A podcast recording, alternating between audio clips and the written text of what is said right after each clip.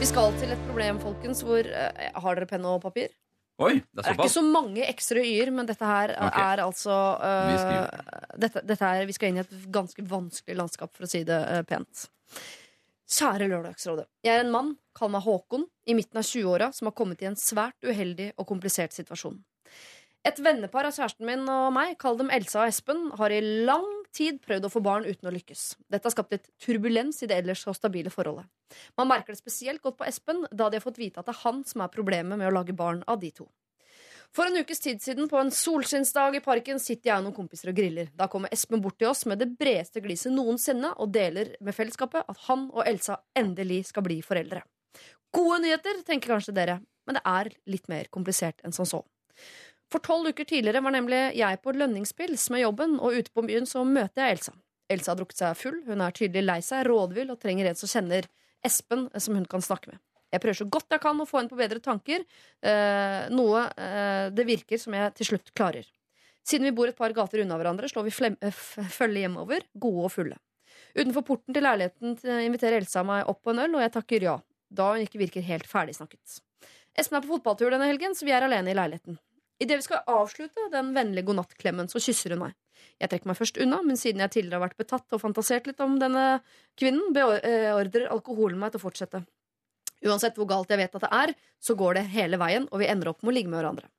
Etter at sexen er over og deler av promillen og er svettet bort, går det mer og mer opp for oss hvor stor denne tabben nettopp har begått, er. Vi ble enige om å aldri si dette. Ingen må få vite det, og det må glemmes. Dagene går, og jeg har det ikke så bra med meg selv. Tankene vandrer fram og tilbake, og jeg vurderer stadig å fortelle om denne tabben eh, til min kjæreste. Som om dette ikke var komplisert nok fra før, får jeg en melding av, El- eh, av eh, Elise der hun forteller at hun har blitt gravid, og at barnet mest sannsynligvis er mitt. Hun vil ikke at vi skal si det til noen. Så, skal jeg bli far? Skal ikke sønnen min få vite at det er jeg som er faren hans? Jeg syns situasjonen er helt forferdelig. Som om det gjorde den natten eh, ikke ille nok, så skal jeg i tillegg holde kjeft om at jeg skal bli pappa til et barn en av mine beste venner tror er sitt eget. Jeg er for så vidt enig i det Elise sier, men i tillegg mistenker at hun gjorde dette med vilje, bare for å få det barnet hun alltid har ønsket seg. Så, kjære Lørdagsrådet, skal jeg fortelle om barnet til noen? Tanken eh, min akkurat nå er å ikke si det til noen, men eh, om to-tre år da, så finner jeg ut at det ikke fungerer å se sønnen min, og ikke, eh, at han ikke vet at jeg er faren hans, så vil jeg kanskje angre på det, at jeg ikke fortalte det med en gang.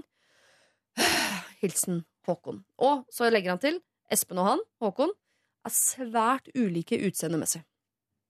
Svært ulike. Ja, dette er Kjempegreier. Nå begynner vi å snakke. Mm. Oi, Vil, dere te vil dere tenke litt før vi eh, løser det?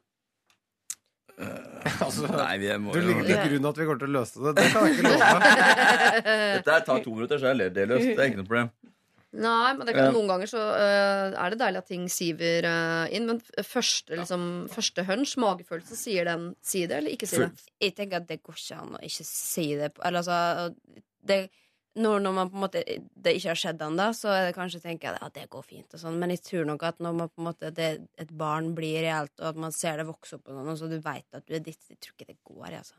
Nei, det tror jeg jeg også ser hvis de her skal være gode venner og henge sammen og Og det er bedre å si det nå enn om tre år. Dette er, min. Og plutselig Nei, det, kommer, det, kommer til å komme opp på, tror jeg. Til slutt en eller annen gang. Om det så er på dødsleiet, så er det liksom Men er det ikke Det er for seint å, altså, å ta abort uansett, ikke sant? Så det kommer jo til å Det er hun som bestemmer det. men det tror jeg ikke hun er fysen på. Tolv uker, er Mm. tre måneder. Jeg vet- jeg Ja, tolv uker senere, var det det? Ja. Ja, da begynner det å nærme oss, ja.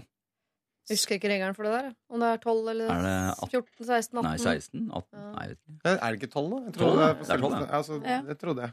Ja. Ja, det er du som kan det. Da er det Altså, toget godt. Ja, jeg hadde ikke Altså, jeg tenker at det er helt umulig å, å la være å si det i, i det lange løp, så jeg ville heller sagt det nå, når, når man enda kan gjøre noe. Det kommer jo til å bli rabalder uansett. For men- han er et forhold, ikke sant? Mm. Uh, og har de barn, eller? Nei, det tror jeg ikke. Da hadde han nevnt det. Så det er hans første barn òg, ja. Ja, ja. Det første, det som du er ordentlig glad i. ja. Det eneste som betyr noe. det som betyr noe Ja. til syvende og sist. Hva sier magefølelsen din, eh, Thomas? Si noe eller ikke si noe?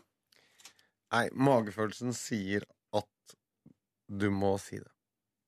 Du må si det. Ja. Men jeg har ikke Jeg har ikke tenkt ferdig på dette, så det var da så presisere at det er magefølelsen. Så Håkon, magefølelsen til alle her nå eh, er at du må si det. Når du skal si det, hvem du skal si det til, hvilken rekkefølge og hvordan du skal si det. Det er, har vi ikke noe magefølelse på. Det skal vi tenke på uh, lite grann, så kommer vi tilbake uh, med det.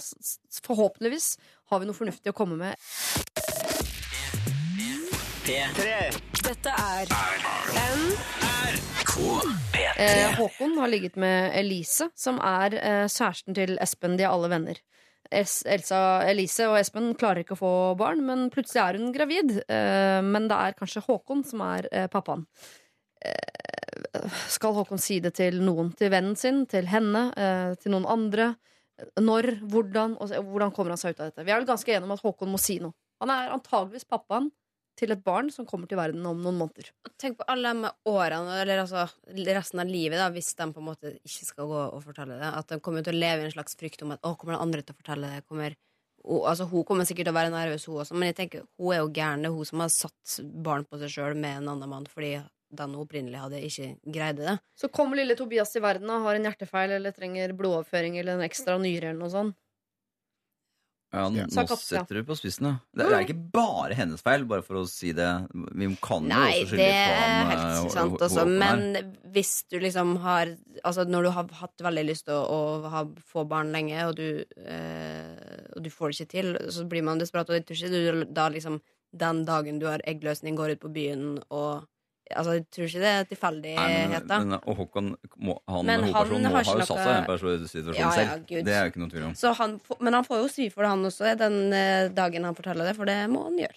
Men Håkon, er Håkon man ligger jo med en dame som han veit har ekstremt lyst på barn, men får det ikke til. Og Og, er kompis og er komp- kompis Ja, ja. mm. Ja, Så er jo ikke helt Jeg ville henvendt meg til hun som er gravid. Var det Elise? det må Ja. han gjøre. Han må henvende seg til henne med klar agenda om at dette må vi si, og vi får finne ut av hvordan vi skal gjøre det sammen. Ja. Det ville jeg gjort. For, fordi at uh, han må jo da finne Han må jo selvfølgelig vite at det er uh, hans barn. Eller det kan han ikke vite, men uh, Er ikke det, greit det å finne ut av alle først? Gå til henne, finne ut av det. La oss få finne ut av hva er realiteten liksom, her. er- det mitt barn? Hvis det er det, så får vi prate om det sammen, eller vi får finne ut av hvem Men kan hvordan man finne ut av det før det Nei, barnet det er tror jeg er født? vanskelig.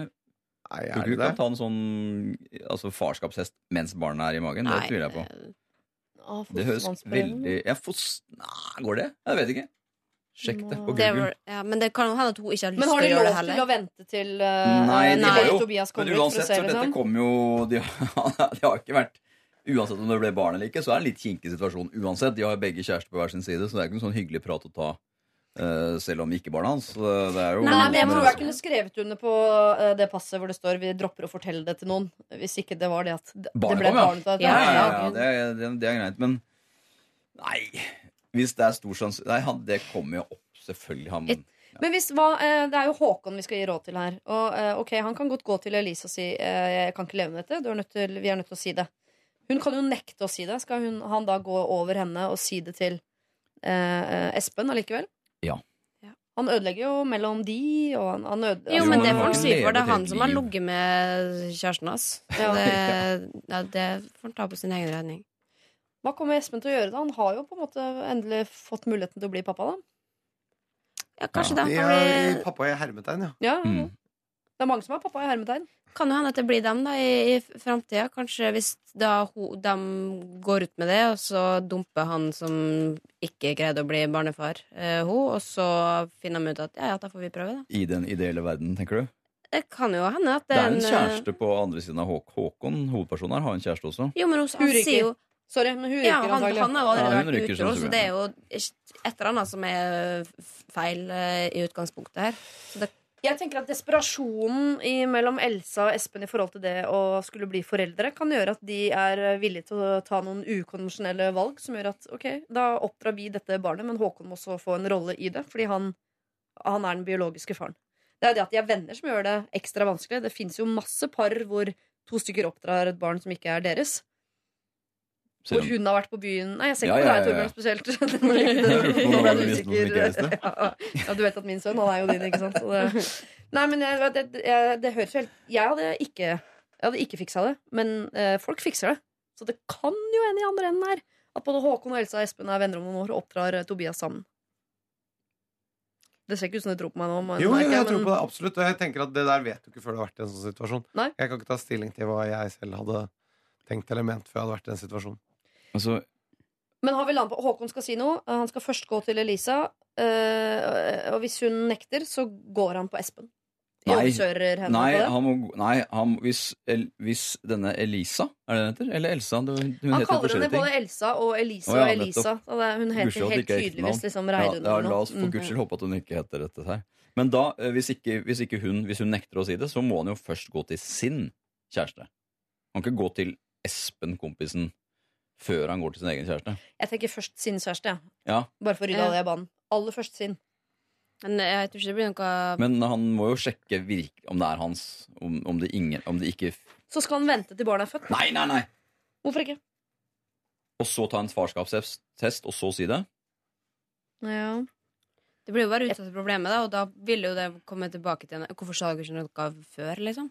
Det er jo synd at ikke Espen er kineser og øh, Håkon er afrikaner. For det hadde jo bare kan... vært så lett. Ja, men jeg kanskje snur litt på det. Kanskje det faktisk er lurt å vente og se til, eh, til det barnet kommer, ta en test.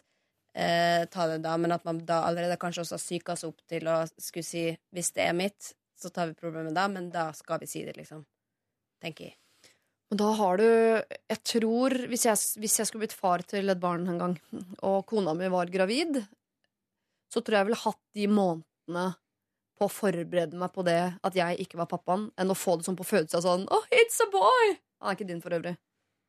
Det er også sant. Nei, jeg melder meg ut. Alt blir jævlig, så vi må bare finne den minst jævlige løsningen. Jeg vil gått til hun han har ligget med, aller Ja. først.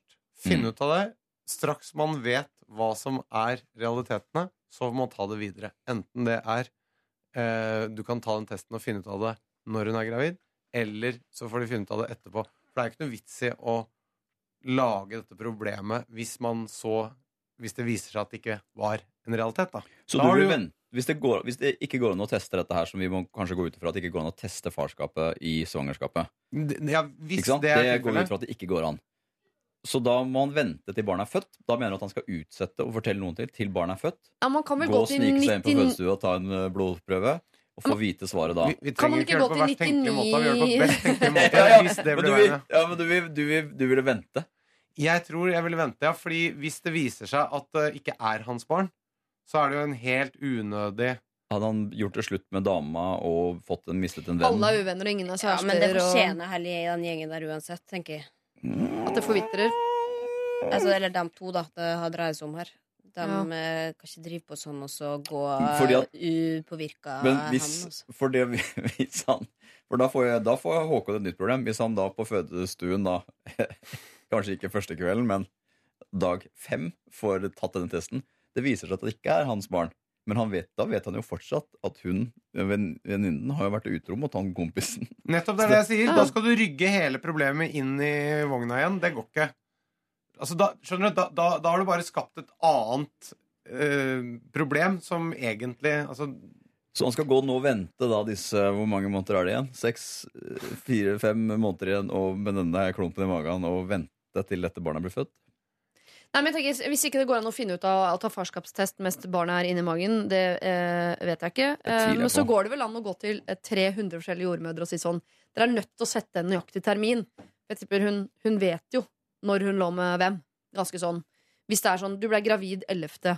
Uh, april. Ja, det er okay, veldig sant. Da, Det kan da man er det håp Håkon, ja. liksom. Mitt poeng er bare Jeg vil være mest mulig hensynsfull, og så vil jeg bare ta valg basert på fakta. Sånn at når jeg vet noe og har klar oversikt over situasjonen, så kan man gå videre. Istedenfor å sette i gang et andre potensielle problemer. Det er. Mm. Hvis det viser seg å være feil. Så du vil ville rådføre etter dagens medisinske standard hva man kan finne ut? Så det er ikke et moralsk dilemma for deg, det er mer sånn teknisk hva man Jo, det er moralsk. Det moralske er mest mulig hensyn. Og ikke lette meg selv. Jeg vil ta hensyn Så til så det moralske for deg er hvis det ikke er han som er faren, så er det jo bare la det ligge. Ikke fortelle verken kona eller kompisen. Hvi- Hvis det er Det kan godt hende du Da får du ta Men da er det du skal vurdere, er om du skal fortelle Du, jeg har vært utro ja. mot uh, Jeg har vært utro med din kjæreste, Mm. men jeg trenger ikke å la han gå i seks måneder og i tillegg tro at han ikke er far til det barnet som det viser seg at han er far til. Da har jeg ikke minimert skaden. Da har jeg påført han Da har jeg både eh, ligget med kona hans og skapt et ubehag for han i seks måneder. Det vil jeg ikke. Ja, for det er, det er sant. Hvis det er en mulighet for at han kompisen kan være faren. det. Ja, ja, Det er en liten mikroskop, for det er, det er, øh, denne, disse frøene hans er ikke helt totalt ødelagt. Nei, svømmer sikkert feil vei, eller De er bare ned, eller veldig lite svømmedyktige. Ja, ja.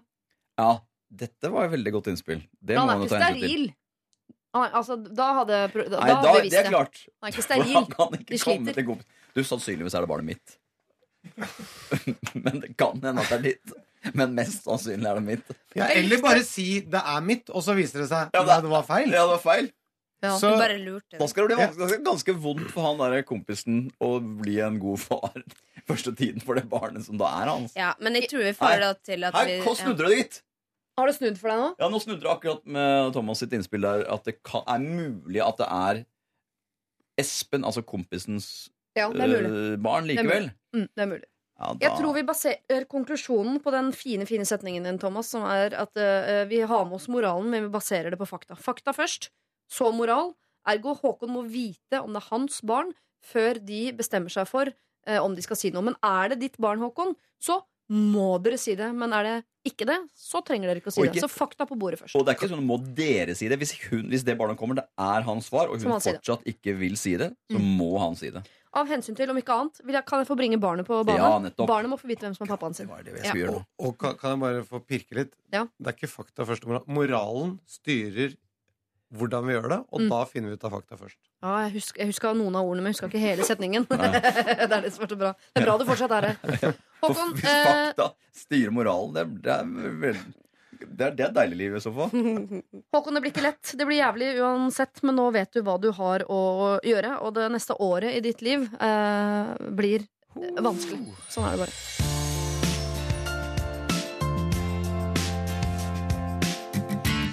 Vi skal til en som heter eh, Iris, som skriver inn her. Hei! Jeg og kjæresten min har vært sammen i snart fem år. Jeg har de siste to årene bodd i utlandet, og mens jeg har bodd her, har han valgt å bo i kjellerleiligheten til besteforeldrene sine for å spare penger og for å være nærme familien. Han har en god jobb og tjener godt. Til sommeren flytter jeg tilbake til Norge, og han har funnet en leilighet som er helt perfekt. Vi gleder oss begge veldig til en ny start i en leilighet som bare vi to bor i. Den holder på å bli pusset opp i dette øyeblikket, noe vi begge er veldig fornøyd med. Leiligheten er umøblert og uten hvitevarer. Som student har jeg ikke akkurat mye penger, noe han er veldig klar over. Han har selv valgt å takke ja til denne leiligheten. Jeg foreslo at vi kunne bo i kjelleren i noen måneder til, jeg, men han er fast bestemt at vi skal ha en fresh start i fin, ny leilighet. Så til problemet. Siden denne nye leiligheten er helt umøblert, så trenger vi alt.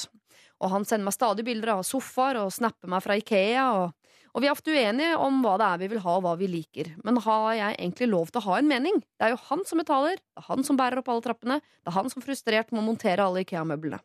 Jeg har foreslått at vi kan ta det litt etter litt, sånn at jeg også kan tjene litt penger og, og bidra. Og han er fast bestemt på at alt skal være klappet og klart til jeg flytter hjem. Burde jeg lyve og være enig i alle forslagene hans til sofa og den slags, eller kan jeg også si min mening dersom jeg er eh, uenig? Kall meg Iris.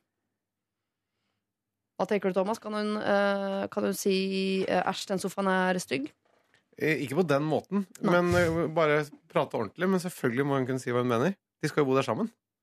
Ja, men det er han som betaler. Ja, men det her skiller Dette er jo det som er forskjellen på jobb, forretning og parforhold. Mm. Her må man bli enige om det sammen. Det må, man må finne frem til noe som fungerer for begge i det hjemmet. Eh, men eh, Så ja, det er, det selvsagt. Selv om han betaler. Hun har tilbudt seg å skal betale inn senere. Hadde du vært komfortabel med det, Linnea? Hvis du skulle eh, kjøpe sofa til leiligheten, så kom det en og begynte å synse om en om hvor stygg den var? Altså, personlig så har jeg syntes det var vært kjempedeilig at noen bare tok seg av det, for jeg er veldig uinteressert i den slags. Men, eh, men hvis hun faktisk er interessert og har lyst til å ha en, en, et ord med i spillet, så har hun full rett til det. Og det vil jeg jo tro at han også har lyst til, at hun skal blande seg. Det er jo deres felles leilighet, selv om han betaler for det. Ikke, forskjellen er bare hvis det bank i bordet skulle bli slutt, så får han det, liksom. Og da, Det er Men, kanskje like greit at sofaen er stygg, tenker jeg. Hvis det... Nei, men, men, men Hvorfor skal man sitte i en stygg sofa? da? Man, hvis den er stygg, så er det lov å si det. Eller at det kan vi ikke se et annet, et annet, et annet sted. Men hvis han er interessert i å få det til, så er det jo ingenting som er bedre enn det. En mann som har lyst til å, å få ting gjort sånn hjemme, ja, på hjemmebane. Det er jo ingenting som er bedre enn det. Men risikoen her er at eh, Iris blir sittende i en leilighet full av svart skinnsofa og glassbord, for det er jo eh, ofte det menn ender opp med når de handler alene på Ja, det Ikea og den slag. Ja, det, er, det er selvfølgelig en øh, Men jeg er helt enig at hun må si fra. Men hun må jo velge sine kamper, da. At det er jo greit å la det gå hvis han har kjøpt, vil kjøpe inn en oppvaskmaskin eller en vaskemaskin som skal stå på badet. Liksom. Men, men de kampene som hun syns Den sofaen liksom, er jo viktig at man er sammen om. Ja. Um, Men altså, det er det jeg mener, for I en jobbsammenheng så er det klart, da kan du ikke bare sitte og ikke bidra og kreve masse. Det går ikke. Men dette er jo ikke det. Sånn at her er det selvfølgelig eh, Så må man bli enige om det. Hun må selvfølgelig ikke sitte og være negativ og sur og tverr og prinsessen på erten, liksom. Det er jo ikke det jeg sier. Men man må bli enige om det. Det må være en slags en eller annen sånn ca. 50-50 enighet om hva det er. Hvis, hvis, hvis, du ikke, hvis han liker veldig godt den, og hun liker veldig godt den, så får vi finne en tredje, da. Nei, det, det er ikke sånn. virker det som han, han hvis, hvis han driver og mal, altså det virker som det er nesten litt negativ mye masing og, og ting han sender til henne. Så han er jo interessert at hun skal melde tilbake hva hun sier. Ellers Altså, han han kunne bare ha kjøpt det og kunne bare kjøpt det og ferdig med den saken. Jeg vet, og det vi- vi- viktigste av alt, han må jo få kjemperos for at hun uh, slipper å flytte til en sånn gammel hybel under bestemor. Men jeg kan Um, kjenne meg litt igjen i hennes problemstilling, sånn, med tanke på at man har lyst til å bidra sjøl. At det er ikke alltid at det Altså Det kan være litt fælt å komme igjen til, til altså, du, at han alltid skal betale, eller betale om det er så en middag. eller sånne ting At man gjerne har lyst til å bidra da, hvis det er noe man skal ha felles. Eh, at det da føles ut som at du bor litt i et, en, noen andre sitt hjem. Og det er kanskje derfor hun også har lyst til å, å på en måte ja, ta litt ting om gangen. da Men han trenger jo ikke virkelig å kjøpe liksom alt og bestikk og glass og Og det virker som han har tenkt det. altså ja, Det skal være så klappende klart. Men da flytter hun inn i annet, noen annens hjem. Ja, det det, ikke ja. det må jo være deres felles prosjekt. Ellers så blir det aldri deres felles prosjekt. Men kanskje det er en idé å si, da at, at uh, hvis hun liksom har lyst til å bremse den litt, uh, at man kan si at ja, men hvis du gjør alt til jeg kommer hjem, så vil det føles veldig upersonlig for meg. Jeg har lyst til at vi skal gjøre det sammen, fordi det er tross alt det vi er. Men hun har jo en mulighet til å delta i prosessen her. Ja. Det er jo nettopp å melde seg på. Si du, eh, den der eh, syns ikke jeg var så fin, men jeg researchet litt i går kveld. Da fant jeg fire andre forslag. Hva syns du om de fire? Ja. Så da har jo de gjort dette sammen. At han tar det praktiske. Men det er jo det som er fordelen med internett. Det er jo at da kan man sitte og jobbe på to steder i verden og allikevel eh, kan til og med skype, holde opp, vise, ta FaceTime på Ikea. Man kan være på Ikea, faktisk. eller- via ja, telefonen. Ja. Ja, så her er det mange muligheter. Denne prosessen kan de håndtere sammen. Fra der hvor de er. Mm. Og så kan de bidra i fellesskap. Og så kan uh, enten han eller eh, De kan til og med koste på seg en sånn Ikea hjemkjørt. Så da blir det jo kjørt hjem fra Ikea hvis de legger på et par hundrelapper når de er her. En par av hans hundrelapper på greiene der. ja, Ja, men Som hun skal komme og skyte inn etterpå. selvfølgelig. Dere får det til å høres veldig enkelt ut. Og nå før vi eh, skal høre Colors her på NRK P3, så skal jeg bare legge til et lite element som jeg har spart. Nemlig det at eh, de har kranglet veldig mye mens de har bodd fra hverandre i hvert sitt eh, land. Og eh, det at de skal flytte sammen, er på en måte deres forsøk på en fresh start. De har krangla mye, annet fordi begge er utrolig sta, og begge nekter å gi seg. Så hun er litt redd for at dette også skal bli en ting de krangler om, når hele poenget er å få en frisk start. Okay. med den informasjonen skal dere få lov til å tenke lite grann. Etter det eh, så la jeg på et uh, lag i dette problemet som Iris har, nemlig at hun skal flytte sammen med kjæresten sin. De har bodd i hvert sitt land.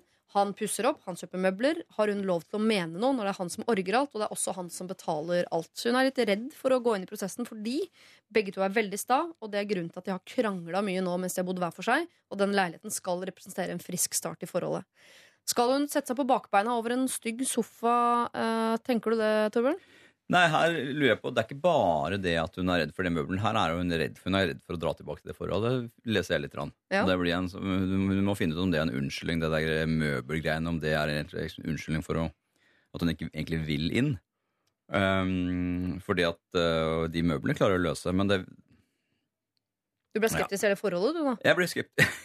ja, jeg ble skrevet. Men det er det bedre at de de får seg en skinnsofa enn at de får seg en baby, for eksempel, som andre bruker som en frisk Ja. Det er veldig mye bedre å teste ut på en skinnsofa om det holder, enn om en liten baby holder. Men kan det være, ligge noe i at han- han har lyst til å innrede dette her eh, den leiligheten alene fordi i tilfelle det blir slutt? Så sitter han med en ungkarsleilighet han kan bruke til Ja, som han er dritfornøyd med, som ikke hun har hatt noe påvirkning på?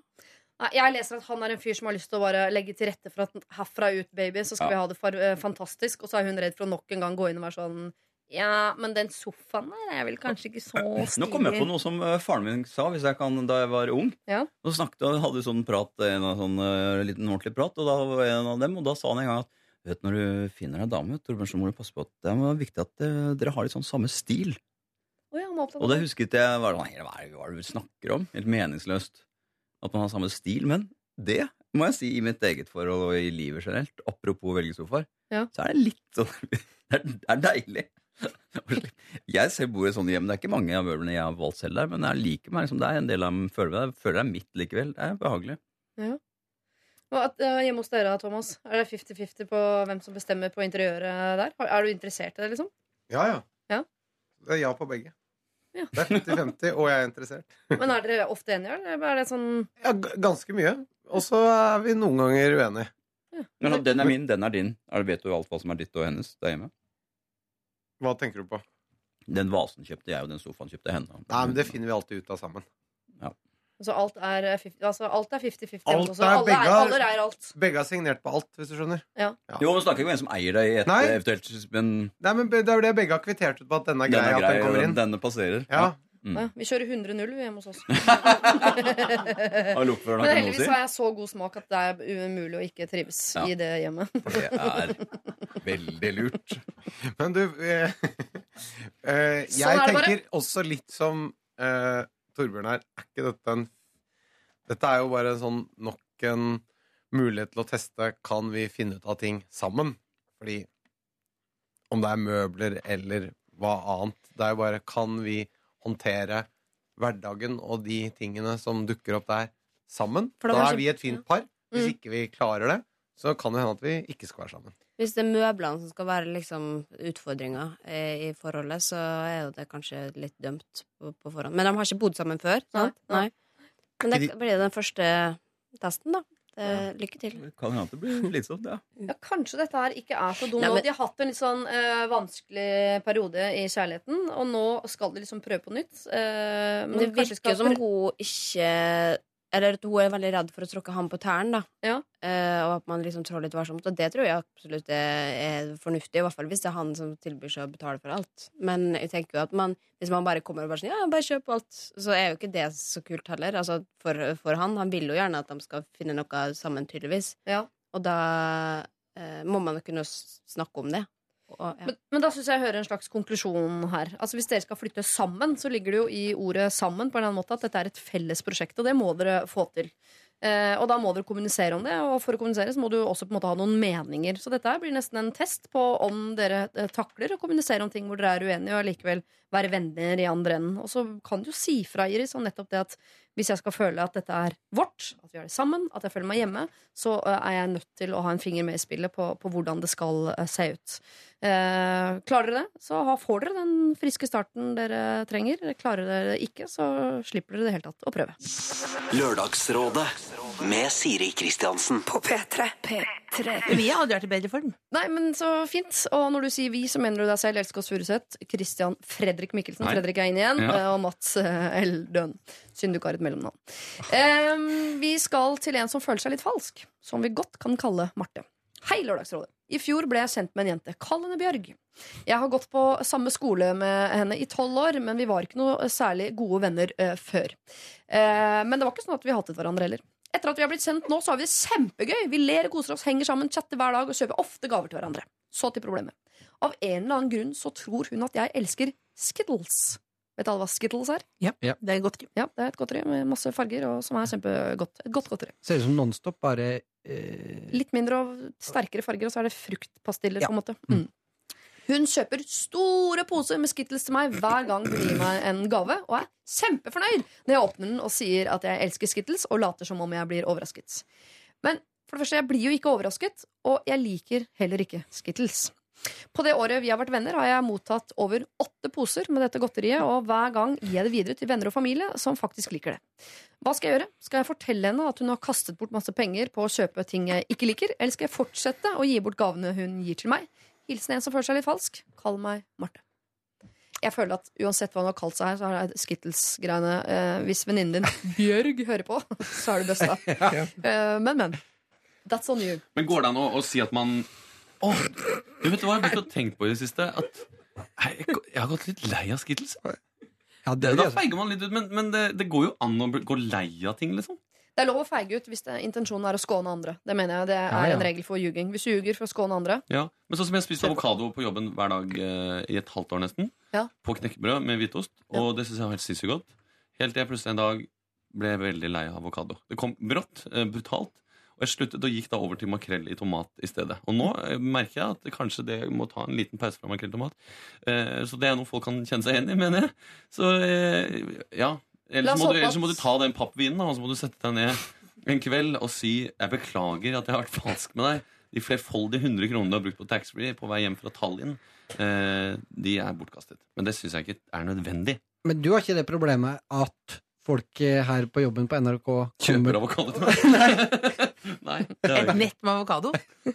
Hva er jeg på Kiwi? Kjøper jeg en nett med avokado til eh, Kristian. på Kiwi på Solen. Men eh, altså, et kjempestore poser eh, med Skittles. Først vil jeg vite hvor kan man skaffe det. Og så eh, lurer jeg på jeg, På eh, jobben min så er det sånn at da får man alltid massasje i gavekort. Eh, det har jeg fått nå. Jeg har vært der siden 2009. Alltid hvis det er sånn nå har jeg gjort en god jobb, her får du massasje. Og også parmassasje har jeg fått noen ganger. Jeg er jo ikke et par. Eh, og jeg er he- heller ikke glad i massasje, for jeg syns det å Jeg er ikke imot det i prinsipp, men det å betale noen for å ta på deg, da, da blir jeg alltid litt flau. Ja. Eh, og da, så jeg gir det alltid videre.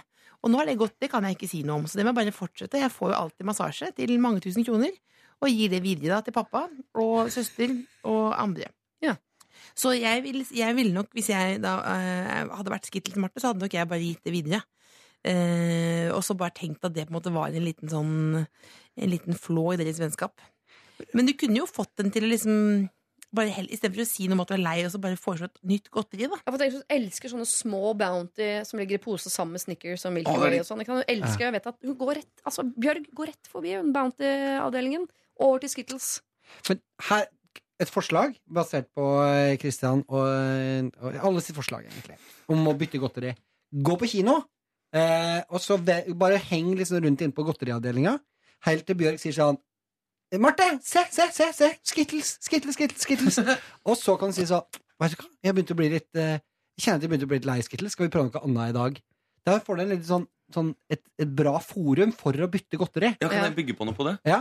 Eh, hva hvis man er liksom eh, Du står med Bjørg da i godteridisken og Ja. sier Skittles. Og, ja, jeg kan godt ta noen Skittles. Jeg bare lyst til å prøve noe nytt. Ja. Og så tar du et godteri du vet du liker, og så sier du Å, fy fader, det var godt! Å, å, Enda bedre enn Skittles! Bounty, ass! Fader, hvorfor har jeg aldri spist Bounty før? Det er jo, det, det, du må bare ta skittelsen, du. Altså, for Bounty gjelder for meg nå, liksom. Og så introduserer du for henne at Fader, Bounty er det beste jeg vet, så. Ja. faen, jeg har noe skritt hjemme, det må du bare ta, for nå er jeg- Bounty-dame, igjen. nå. Men altså, Kall meg Bounty-Marte, liksom. nå må vi stole på liksom at uh, Bjørg har en liten hjerne, da. Men nå har vi Altså, gått ja, for men, å feige ut. ja, men, ja, men, ja, men, Bjørg, Bjørg, Bjørg tåler det, liksom.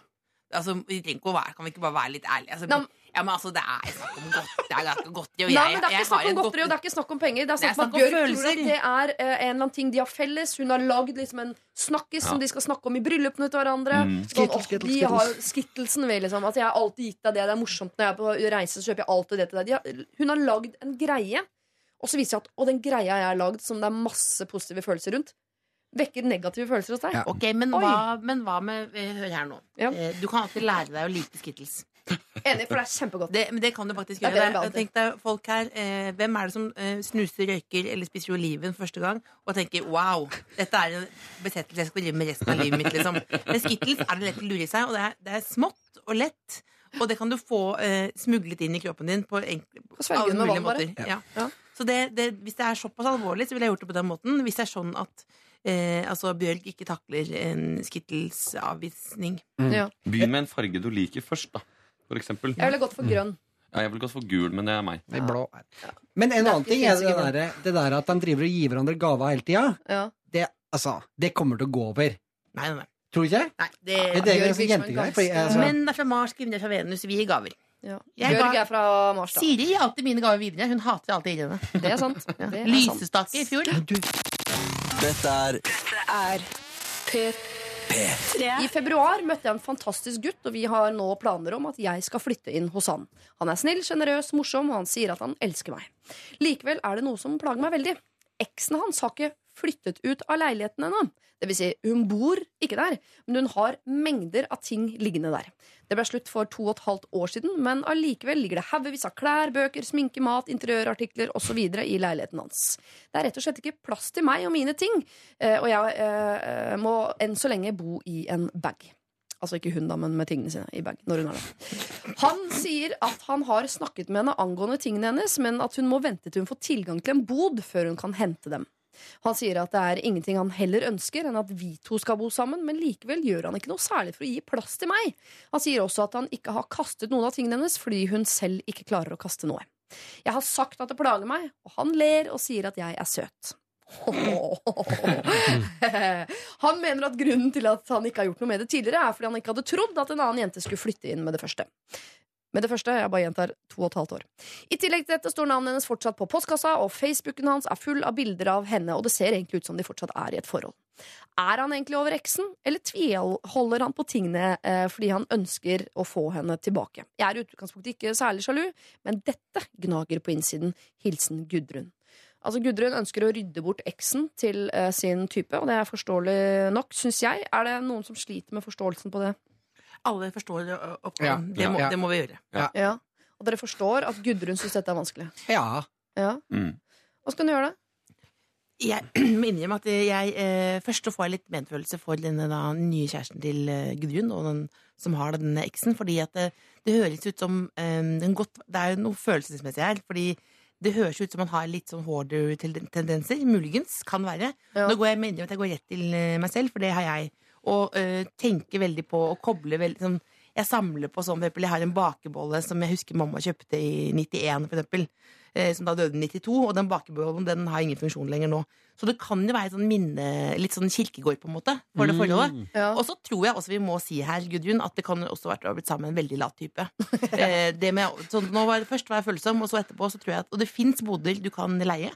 Ja. Eh, og det har- Minilager. Minilager, hvor Mm. du bare setter inn, og så får hun en faktura, og så er det det. Det er veldig lett å få til her, liksom. Ja, for Han virker jo som en litt treig type når han sier Ja. Jeg trodde ikke noen skulle flytte inn med det første. Og det har vært slutt i to og et halvt år. Det er ikke med det første. Det er med det andre eller med det tredje. spør du meg Det er ganske, altså det er ganske tregt, da, etter min målstokk. Gutter, dere skal få lov til å, å, å mene noe om dette, dere også. Dette er Lørdagsrådet på P3. P3. Før denne Avalanche-låta så ble vi ganske godt kjent med Gudrun, øh, føler jeg. Hun har møtt en veldig veldig bra fyr. Hun skal flytte inn der, men først må han få flyttet ut alle tingene som står igjen etter eksen, som ble slutt med for to og et halvt øh, år siden. Eh, man trenger ikke å være veldig sjalu for å slite litt med at det ligger Altså jeg synes det er veldig spesielt at det fortsatt ligger en mat fra eksen som det ble slutt med for to og et halvt år siden. Men det er klær og bøker og sminke og interiørting og sånn, som hun ikke har plass til der hvor hun er nå, for hun har ikke noe bod. Eh, Det kan leies, sa du, Else Kåss, og det er jo en veldig praktisk eh, løsning på eh, problemet. Men er ikke problemet her at han typen er litt treig?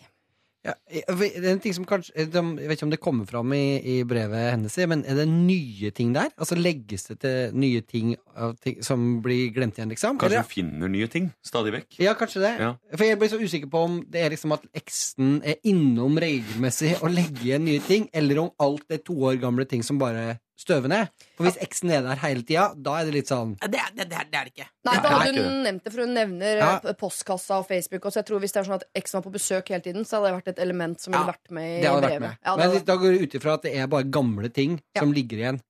Gamle klær, bøker, sminke og mat. Og. jeg synes jo nesten det er litt sånn todelt eh, eller, eller sånn, Det er to ting man kan ta tak i. Det ene er hele den Facebook-biten.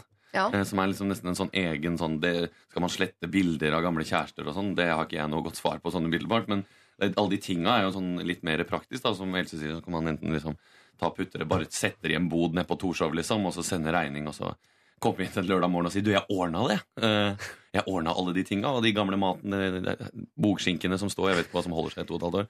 Men når eh, du, sier, når du går inn i eh, jeg-rolle her nå, er du Gudrun nå, eller er du typen til Gudrun? nå er jeg Gudrun. Du er Gudrun. Jeg er Gudrun, ja. Mm. Ja. Men, men det er jo det, er, det var jo ikke Gudrun som har en ekskjæreste. Det er det som er problemet. Det er jo den nye kjæresten Ja. hennes som ikke liksom, eh, Hvis man skal være litt som, som ikke stands up for his woman, det, Mm. hvis man kan si det.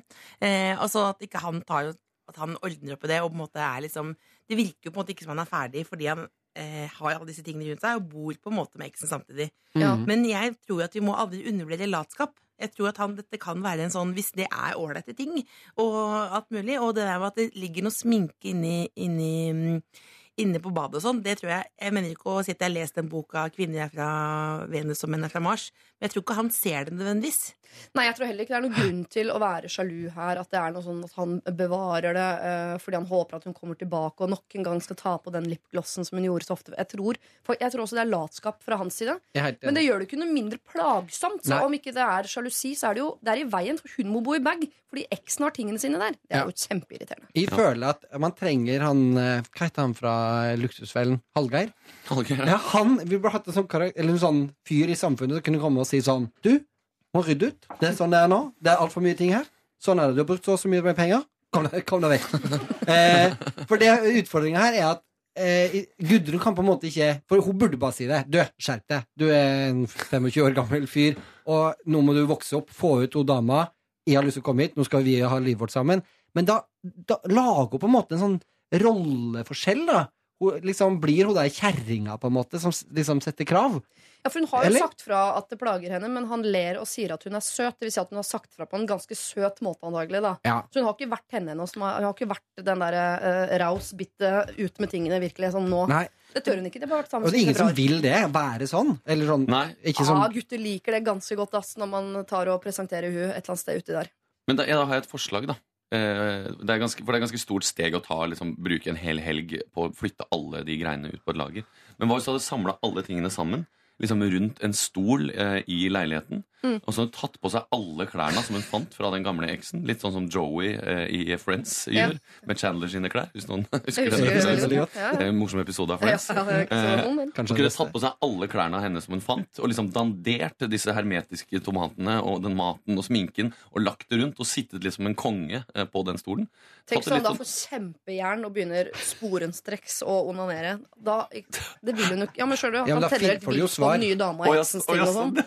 Ja, så må du jo vite, Da må du vite at han elsker deg. ass. Hvis du sitter der med trippel onepiece eh, med noen gammel bogskinke, da må du vite at uh, dette, han, Ja, men dette Det er må mannen. man jo satse Ja, på, for det da. er et stort offer for Gudrun, føler jeg. Ja, og så passer ikke klærne. De er for små til deg, Men- for eksempel. Å, ja, okay. det- Men, Ja, eh, det mange ting å ta Men det ble jo nevnt her, det ble jo nevnt her Hallgeir eh, Luksusfellen-mannen. Ja. Eh, og så kan vi jo høyne tenke Hellstrøm, Dr. Phil eller sånt, noe, det er vanskelig å få tak i. Men hva med å få noen venner eh, inn her som kunne Mm. hatt en litt sånn den litt sånn døve intervention-pakka, liksom. Ja. Jeg for eksempel husker at jeg begynte å rydde da eh, søstera mi kom hjem til meg, og så, så hadde jeg hatt et telt som klesskap i et år, eh, som jeg syns var veldig sånn eh, høstutstillingen-aktig Mm. opplegg, ikke sant? Og så sa hun sånn Har du blitt narkoman?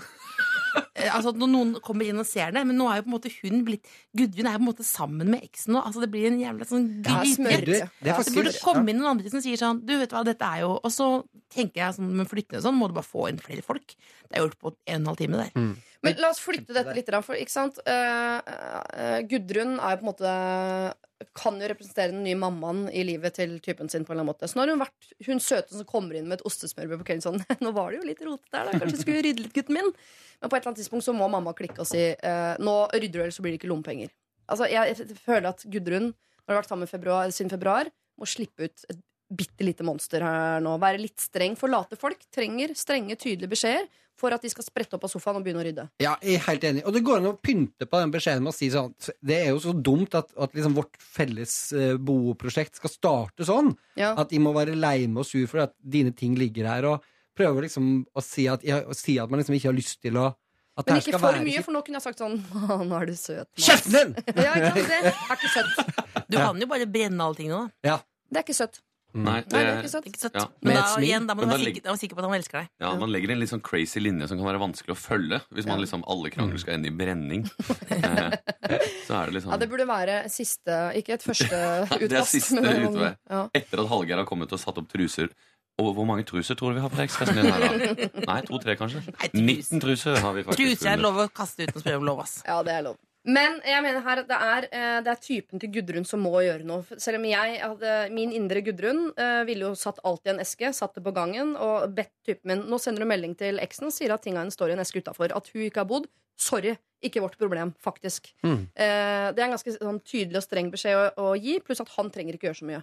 Men det er jo et ønske om at han skal putte alt ned i den esken og få det ut. Er det ikke det? Jo, Jo. jo Det er jo det. Ja. Men det er liksom Jo, men, Jo, men, det, Eller si fra hvis ikke så blir det kasta. Jeg har jo, vært Ja. jeg har jo flyttet inn hos lokføreren hvor det sto igjen eh, gamle bilder og masse gammelt ræl, og en gammel sånn eh, mm, bunadscape som jeg tok vare på, for det tror jeg er jævlig dyre. Så den, den tok vi vare på. Men bilder om bare shit kasta til slutt. Orka ikke mer. ja, men, ja, for det er liksom Jeg føler liksom forholdet er på en måte fullt av det at du har lyst Og den andre skal gjøre ting. Og Ja. føle ting og mene ting og sånn. Men, men i hvert fall etter å ha holdt på en stund, så har jeg på en måte bare innsett at det der er bare slitsomt å holde på med. Bare gjør det, liksom. Gjør det sjøl. Så Bare blir du. Ja. ferdig med det.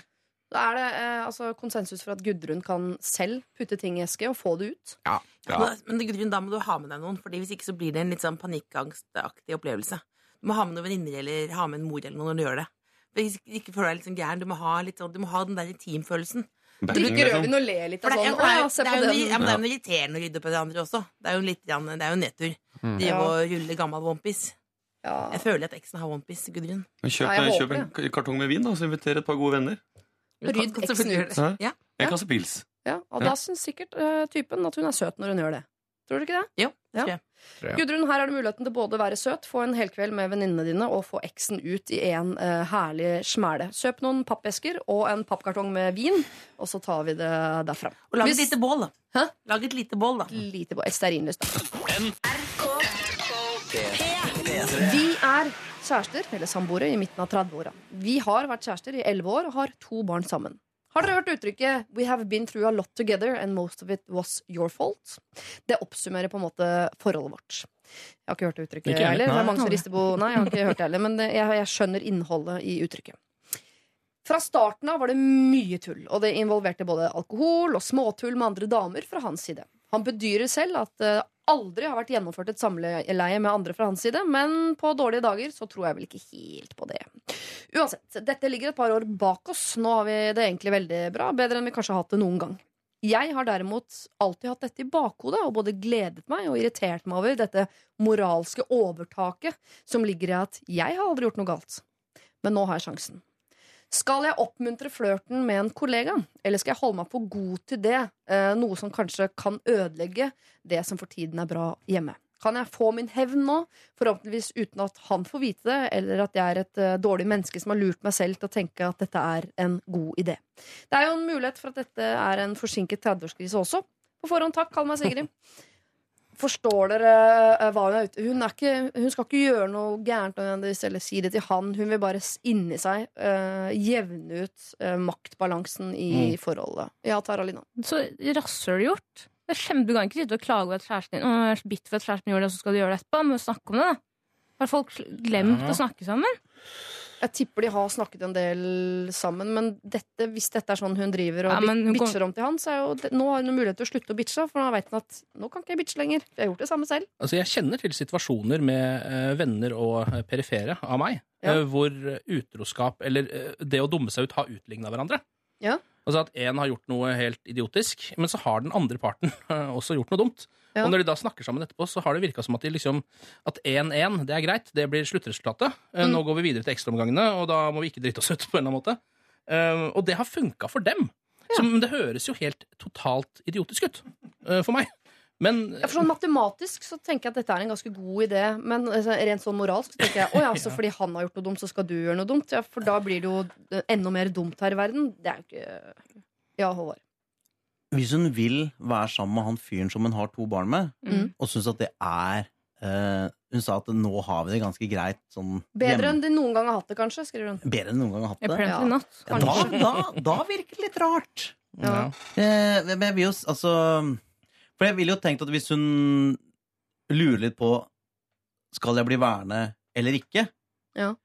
og hun uh, syns at uh, kolleg, altså, kollegaen er, eh, er helt fantastisk, Nå har man jo ofte en tendens til å overvurdere kollegaers attraktivitet, fordi man, man går rundt dem og du liksom kjenner litt på den der kollegaspenningen. Ja, det har du Det- snakket om før. En kollegaforelskelsen, ja. Ja, ja, sånn ja, hva, hva er det de sier? Altså, not really good looking, but office good looking? Er ikke det er jo, er jo en term, det? Ja, men det er, jeg, Um, ja. Det fører seg inn i rekken av uttrykk jeg ikke har hørt. Nei, men uh, du forstår, forstår hva som ligger i det. Ah, ja. Ja.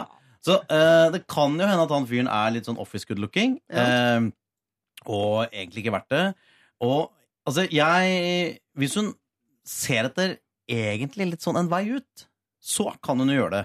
Men hvis hun tenker at han fyren som hun er sammen med, skal hun være sammen med resten av livet, eller i hvert fall eh, nærmeste eh, 30 måneders periode, Mm. så, så ville jeg vel holdt meg der. Og Men det, jeg- jeg, jeg ryddig. Jeg tror vi ikke skal tenke så mye på hvem han kollegaen er, og hvor eh, bra han er, og hvor bra han ikke er. og sånn. Vi skal tenke på om Sigrid gjør noe smart i å prøve å utligne Mm. eh, det moralske eh, balansen i forholdet. Dere skal få tenke litt på det.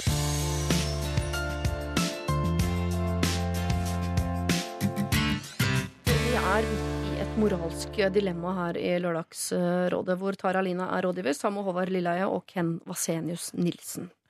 Har du Eh, kunstnernavn, Taralina? Du bruker ikke etternavnet ditt? Uh, Er det sånn det er? ja, men Taralina Shahin, det er ikke så veldig Ja, nei, men, altså, ja, Appellerende, ja, nei, men Du har blitt såpass stor at du bare bruker fornavnet. Det er, det er imponerende. Nei, men jeg, jeg ser ut som en gutt, så jeg bruker Taralina. For at det skal være litt mer feminint. Du ser ikke ut som en gutt. Ja, tusen takk. Du ser veldig lite ut som en gutt, faktisk. Jeg fikk høre det mye før. Men tusen takk. Okay. Ja. ja. Men da hadde du ikke hår på hodet, da? eller? Hva? Nei, jeg hadde pappa skamklipt meg. Ikke sant? Det kan være noe. Det kan være Og så hadde du kanskje ikke kommet til puberteten. For eksempel, ja. Og da, helt flat og kort hår. Ja, skjønner jeg, skjønner, jeg, skjønner. Og så kalte du deg for Frank. Jeg skjønner, skjønner, skjønner. Og før operasjoner. Ja. Ok, dere. Eh, tilbake til eh, Sigrid, som er sammen med en fyr som har gjort mye sånn grums tidlig i forholdet. Har alltid hatt sånn moralsk overtak på han. Og nå er det en flørt på kontoret som hun har muligheten til å flørte litt med, bare for å utjevne den moralske balansen i forholdet. Er dette en dårlig unnskyldning for å uh, flørte med fyren du har lyst til å flørte med, tror du? Nå skal jeg si noe rart, Mm. uh, og det er at sånn moralsk sett så syns jeg det er feil. Veldig rart Det å er si. veldig rart. Ja, Um, ja men, jeg, altså, jeg, men nå, skal jeg, nå skal jeg dele. Uh, dele fra mitt eget liv.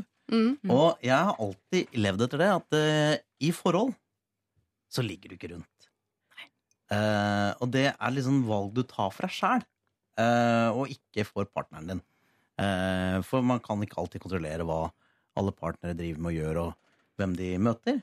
Eh, men det er lurt å ha liksom noen valg som man bare tar for seg sjøl. Sånn, Egenintegritet. ja, det sånn, dette er, min, dette er Ja. min vei, den står jeg for. Og Men er det ikke Så kanskje hun utjevner den moralske balansen i paret, men i seg selv så fucker hun jo med den moralske balansen. Ja, så eh, jeg, jeg, Mm. jeg ville ikke gjort det, altså. Men det er jo også noe veldig irriterende å liksom følge noen spilleregler som ikke motstanderen din eller partneren din følger. Altså Det er bare du som bryr deg om de reglene. Ja, jeg Um, vet ikke, men altså, noen, noen regler er for deg sjæl, tenker jeg. Ja. Og ikke nødvendigvis Altså, det er klart, når man, eh, når man er i et forhold, så, så er man jo noe mer enn bare seg sjæl. Mm. Men dypest sett så er vi jo alle aleine. Takk for det. Ja. Så derfor lønner det seg å ha noe sånn 'Dette er meg, her er jeg i verden, dette syns jeg er riktig og galt å gjøre'. Ja. Selv om du i overført betydning blir pult i ræva, så lønner det seg. Men la oss, hvis vi skal dra det ut i det ekstreme, nå kan jeg skissere opp et slags scenario Mm. eh, hvor denne Du er spent nå? Hvor denne dama her, Sigrid, mm -hmm. er nå driver og holder på med han eh, Altså er sammen med kjæresten sin, Mm. og så gnager det ganske kraftig at han har vært utro. Det, hun klarer ikke å slippe på den tanken. Det Nei. går liksom ikke helt bort. Så til slutt så eh, vil hun da kanskje bare tenke sånn Nei, nå går jeg fra deg. Det har gnaget såpass lenge. Eh, jeg er for snill, og du eh, gjør- fucker for mye opp. Hvis det da kan være redningen at hun kliner litt med en fyr, kanskje det er verdt det. Ja, men det er ikke det. Nei. Det er ikke det. Da, da lurer du deg sjøl. Hun er jo ikke forelska, åpenbart. De er ikke forelska i hverandre. De har bare kids sammen, og så må de være sammen. Det er sånn det er. Ja. Men de har det bedre enn de kanskje noen gang har hatt det. Men det kan hende du har rett allikevel, Tara. At grunnen til at de har det bra nå, er fordi ingen bryr seg egentlig lenger. Så det er sånn behagelig og deilig å være sammen, bare. Det er ikke noe drama, ingen har pult noen andre. Det er sånn stillstand. Så det kan være en grei test på forholdet. Men jeg synes jo, jeg kan jo Jeg kan ikke relatere til henne, men jeg kan sette meg inn i hennes situasjon. Jeg skjønner jo helt klart hvor, frustrasjonen hennes. Det er jo kjipt å tenke på at du er sammen med en fyr som har vært i drass, og så um, har ikke det på en måte blitt ordne opp i, da. Eller har ikke fått noen konsekvenser. Har ikke fått noen konsekvenser, men det er på en måte hennes valg. Da må hun på en måte si ok, enten så velger vi å være sammen med fyren, og så ordner vi opp i det, og snakker om det og får alt ut på bordet, eller så dumper han.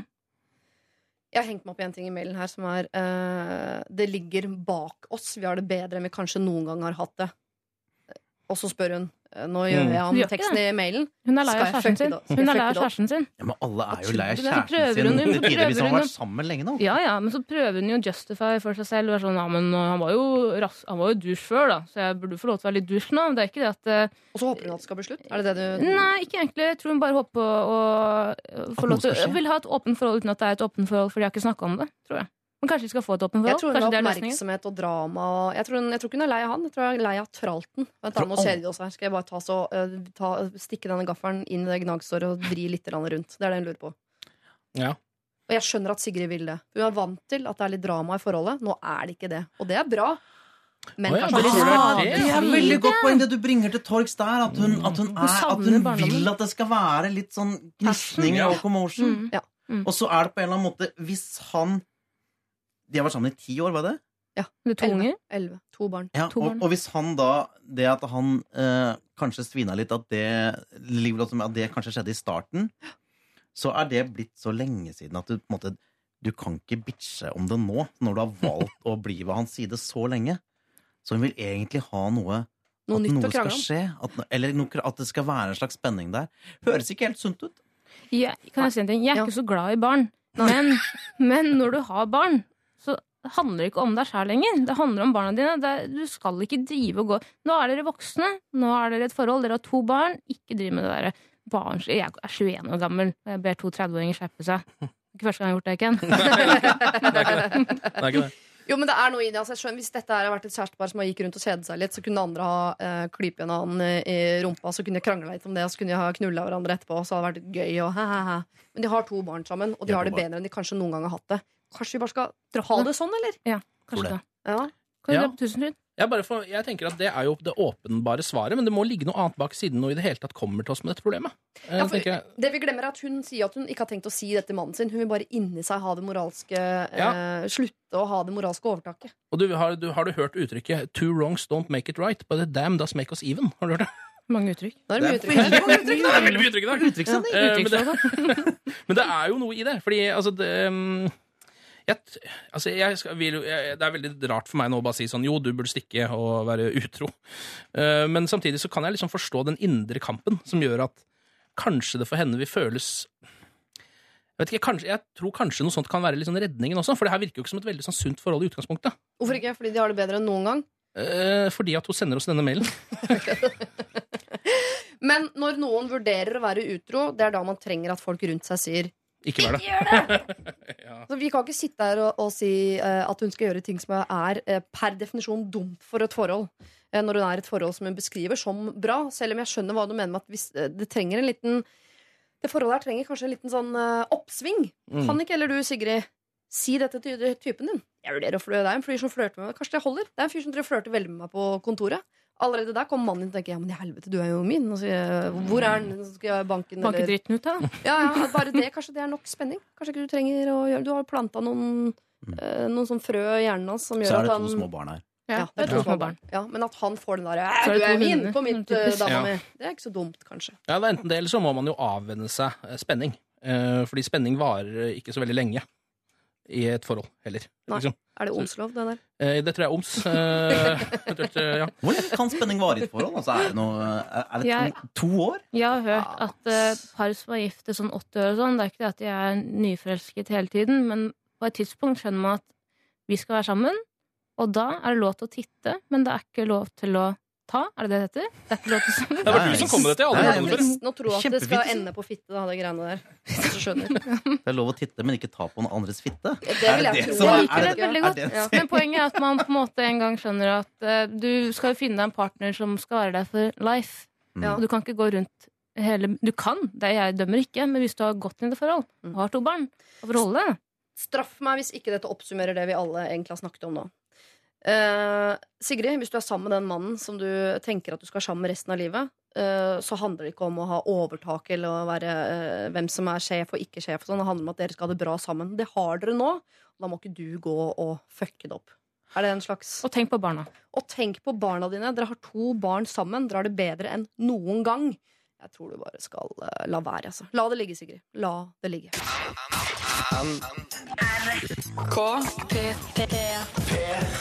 Dere, eh, vi skal til et eh, kort, lite problem. Og hvis det er noen som har noe erfaring på dette området, så vil jeg gjerne høre det. Håvard Lilleheie, kan godt hende du har det. Eh, Ken Vasenius Nilsen, mye mulig du har erfaring her. Mm. Tara Lina, jeg håper ikke du har det, men det kan godt hende du også har det her. Og svigersproblemer. Ikke svigersproblemer. Ja. Jeg trenger råd, skriver eh, Hanne. Kjæresten min har uh, tilsynelatende en kose-tullestemme, hvor han prater som et barn på en fjaste måte. Nei, jeg liker det ikke. I begynnelsen hintet jeg bare om at dette var teit. Han øh, har, konsekvent ikke, øh, har konsekvent ikke gjort meg til på samme måte, men det har ikke funket så bra. Nå har jeg konfrontert han. Jeg sa jeg forsto at det er en øh, måte han tulleprater og koseprater på, men at jeg ikke digger babystemmen. Han tok det greit, men han har ikke sluttet med det. Så hva gjør jeg videre nå? Før tenkte jeg eh, det var dårlig stemning å bli irritert når han prøvde å være søt, men nå lurer jeg på om det er løsningen. ass. Hilsen Hanne. Motherfucker. Jeg leste om det her på Reddit i går. Akkurat samme problemstilling. Vet du hva du skal gjøre, Hanne? Du skal snakke med kos dem tilbake hver jævla dag. Hele tiden. Helt til han skjønner poenget. Var det løsningen på Reddit? Det er problemet. Videre. Hmm, men er det noen som har prøvd det? Altså, har vi noe uh, forskning som viser at det er uh... Jeg tror at kanskje kjæresten tenker sånn Å, det er så søtt når han blir sur. Kanskje det har gått over til det, da. For det er mange som syns at det er gøy når kjæresten blir sånn Å, det er så søtt og du er sint. Det er ikke det. Men jeg tenker kanskje at dette her eh, ligger nærmest i kjærestens DNA. At eh, dette er noe han bare gjør. Eh, dette er han. Han har litt den derre Og der er du tulla, så godt å se deg. Ja, jeg er enig, jeg er enig der, kvalm. Men, Men det er jo bedre at han, er ja, er det, men det ligger i han som omsorgsperson. Han bare gjør det. Så det blir litt sånn Jeg tror da at dette må du enten akseptere eller gå videre. Det kunne Jeg- vært, jeg- det kunne vært, det kunne vært slåing. Men så er det koseprat. Skjønner du? Ja, det kan alltid være verre. Ja, altså, Vi kan ja, alltid dra til Afrika og på en måte uh, Ja, men jeg trenger se hvordan det er. Men koseprat Altså koseprat i et forhold er ikke det Jeg, jeg skjønner synes det er dritkvalmt, men jeg ville jo heller satt pris på det enn- enn at kjæresten min var en rass. På en måte. nå skal jeg si noe dere godt kan trykke på en T-skjorte eller kopp, eller hvor det nå måtte være. Men jeg kunne ikke uh, sugd en fyr som brukte babystemme. Sånn er det bare. Altså, Men det forstår jeg ganske godt. Fordi altså, uh, mitt største problem med babystemme uh, er at du eh, snakker da til eh, meg, altså din kjæreste, Som du eh, som du snakker med en valp. Ja. Um, så du ser ikke helt på meg som et vanlig menneske. Altså Det kan godt hende fordi du syns jeg er så forbanna søt, eh, Mhm. men det hjelper ikke. Skjønner du hva jeg mener? Det er ak- akkurat som det er sånn jeg, mm, jeg føler at du snakker til meg uh, Altså Du gjør jo også det, sånn fullstendig uten noen for- form for respekt. Ja, men Ken, du er veldig søt. da. Du er så søt, og du er den søteste men, av de men søte. kanskje de skal, bare få, Ja, kanskje de skal få baby, og så kan han bruke det på babyen, og så, så slipper hun å få Kanskje han har en viss porsjon babyprat som må ut? Men helt seriøst, dette er jo en eh, sånn tull og tøys til side. Det er jo et problem for henne. Hun syns det her er vanskelig, eller vanskelig, hun syns det er jævlig irriterende. Og det er åpenbart en deal-breaker. Kanskje hun da skal sette ned foten og si enten så dropper du babystemmen, eller så dropper jeg deg. Sånn er det. Oh. Ja, ja, ja, ja, ja. Men det er jo på en måte Ja, men da skal det være sammen med en fyr for alltid som skal sitte og, og snakke med den stemmen din. Og, Eller så kan du jo kjøpslå med, su- du kan jo kjøpslå med sugejobber. Altså på en eller annen måte at det ligger en, Ja. en- Fjerne sex. Ja. ja, fjerne eller legge til, eller Jeg har hørt Ja, at belønning høres er sterkere enn straff. Det høres veldig hardt ut når du tar Alina og sier sånn Enten så slutter du med, eller så blir det slutt. Men det er ikke så hardt, for det er jo det som i praksis skjer her. Fordi Hun kommer ikke til å orke å være sammen med han fyren her på sikt hvis ikke han slutter med den babystemmen. Jeg ville bare helt Jeg ville sagt hver eneste gang han snakka til meg med babystemme, så ville jeg svart tilbake Oi, nå krympa tissen din. Mm. Oi, nå ble den enda mindre, ja. Oi, oi, oi, oi. Jeg ville bare sagt at det du driver med der, gjør deg til et veldig lite attraktivt menneske. og det gjelder respektløst at du ikke slutter når jeg sier nei, slutt. Ja, det er det også. Ja, det er det. Ja. Så det kan være tull Nå og så dere kjemperedde ut, begge to gutta. Håvard, du, fikk, du begynte nesten å gråte nå? Eller? Altså, Ja, jeg jeg gråter jo lett. Ja. Jeg bare synes Det som er tingen her, at det kan sikkert Jeg ser for meg at eh, til og med hun syns sikkert det er litt koselig innimellom. Nei, det tror Tror du ikke det? Nei, tror- ikke nå lenger, for nå er det jo hele tiden, men i starten kanskje. Altså det, at det er en og annen gang hvor det kan funke. Eh, og hvis det da faller veldig Altså Grunnen til at han gjør det, må jo komme fra et eller annet sted. Det, Han har vel en eks da som elsket det? Nei, nei Men men, det, er en annen, det er hans måte å vise affeksjon på. og Det er liksom veldig sånn mislykka For det er mer en sånn uh, at du er en generasjon over-aktig måte å gi Mm. affeksjon på. Som man ikke bør gjøre, for det skal jo være en slags passion også i et forhold. Han er klønete sånn følelsesmessig. Han Ja, er er sikkert en sånn, sånn klønete ja, helsestudiofyr som Mm. prøver å være følsom, og da er det rett i babyland. Ja. Det er litt som noen ganger nå ja. kommer, hvis det er nå skjer at det er han, ikke sant? Mm. Ja. Det som skjer nå, er at hvis uh, han faktisk slutter med den stemmen her, så kommer Hanne til å savne det. Tror du det? Ja, det kommer til å skje. Det er, altså, Med mindre du er et voldelig forhold, så savner du ikke Det er ikke noe du savner når det slutter, på en måte. Men jeg tror dette er egentlig bare en hyggelig ting i utgangspunktet. Det er ikke noe vondt i det. Og jeg tror at hun kom, Og kanskje han mister seg selv litt, og kanskje han føler at han blir liksom Kanskje han føler seg litt sånn trampet på, litt flau. Skjønner du? at det er flaut for han å slutte nå? Ja, men det er Nei, så- men at han, at han føler at eh, hun ikke setter pris på ham. Da. Og det er jo egentlig det er jo bare en kjærlig ting. Og jeg tror man også må liksom pick your battles. Jeg skjønner at det er irriterende. Ja, det synes det var dritirriterende, men da får du enten sette et kompromiss, eller så får du leve med det. Sånn er det. Mm. Sånn er det. Ja, Sett et kompromiss, eller er så får du leve med det. Jeg tror det er eh, løsningen, eh, Hanne. Her må du eh, si fra mye tydeligere enn det du har gjort tidligere. Og si at det der må du slutte med, ellers så kan vi faktisk ikke være sammen. Og så må du behandle han sånn som man jo behandler barn. som jo er litt artig oppi problemet her. Nemlig at du må, du må stå for det du sier. Du kan ikke si eh, da blir det slutt, og så blir det ikke det. For da, da slutter han ikke. Du må, det, hvis du sier at det får en konsekvens, så må du få en konsekvens. Da, da må du pakke sekken din, og så må du gå. Men det kan hende at du da faktisk savner han og babypraten hans. Det gjør det. P3.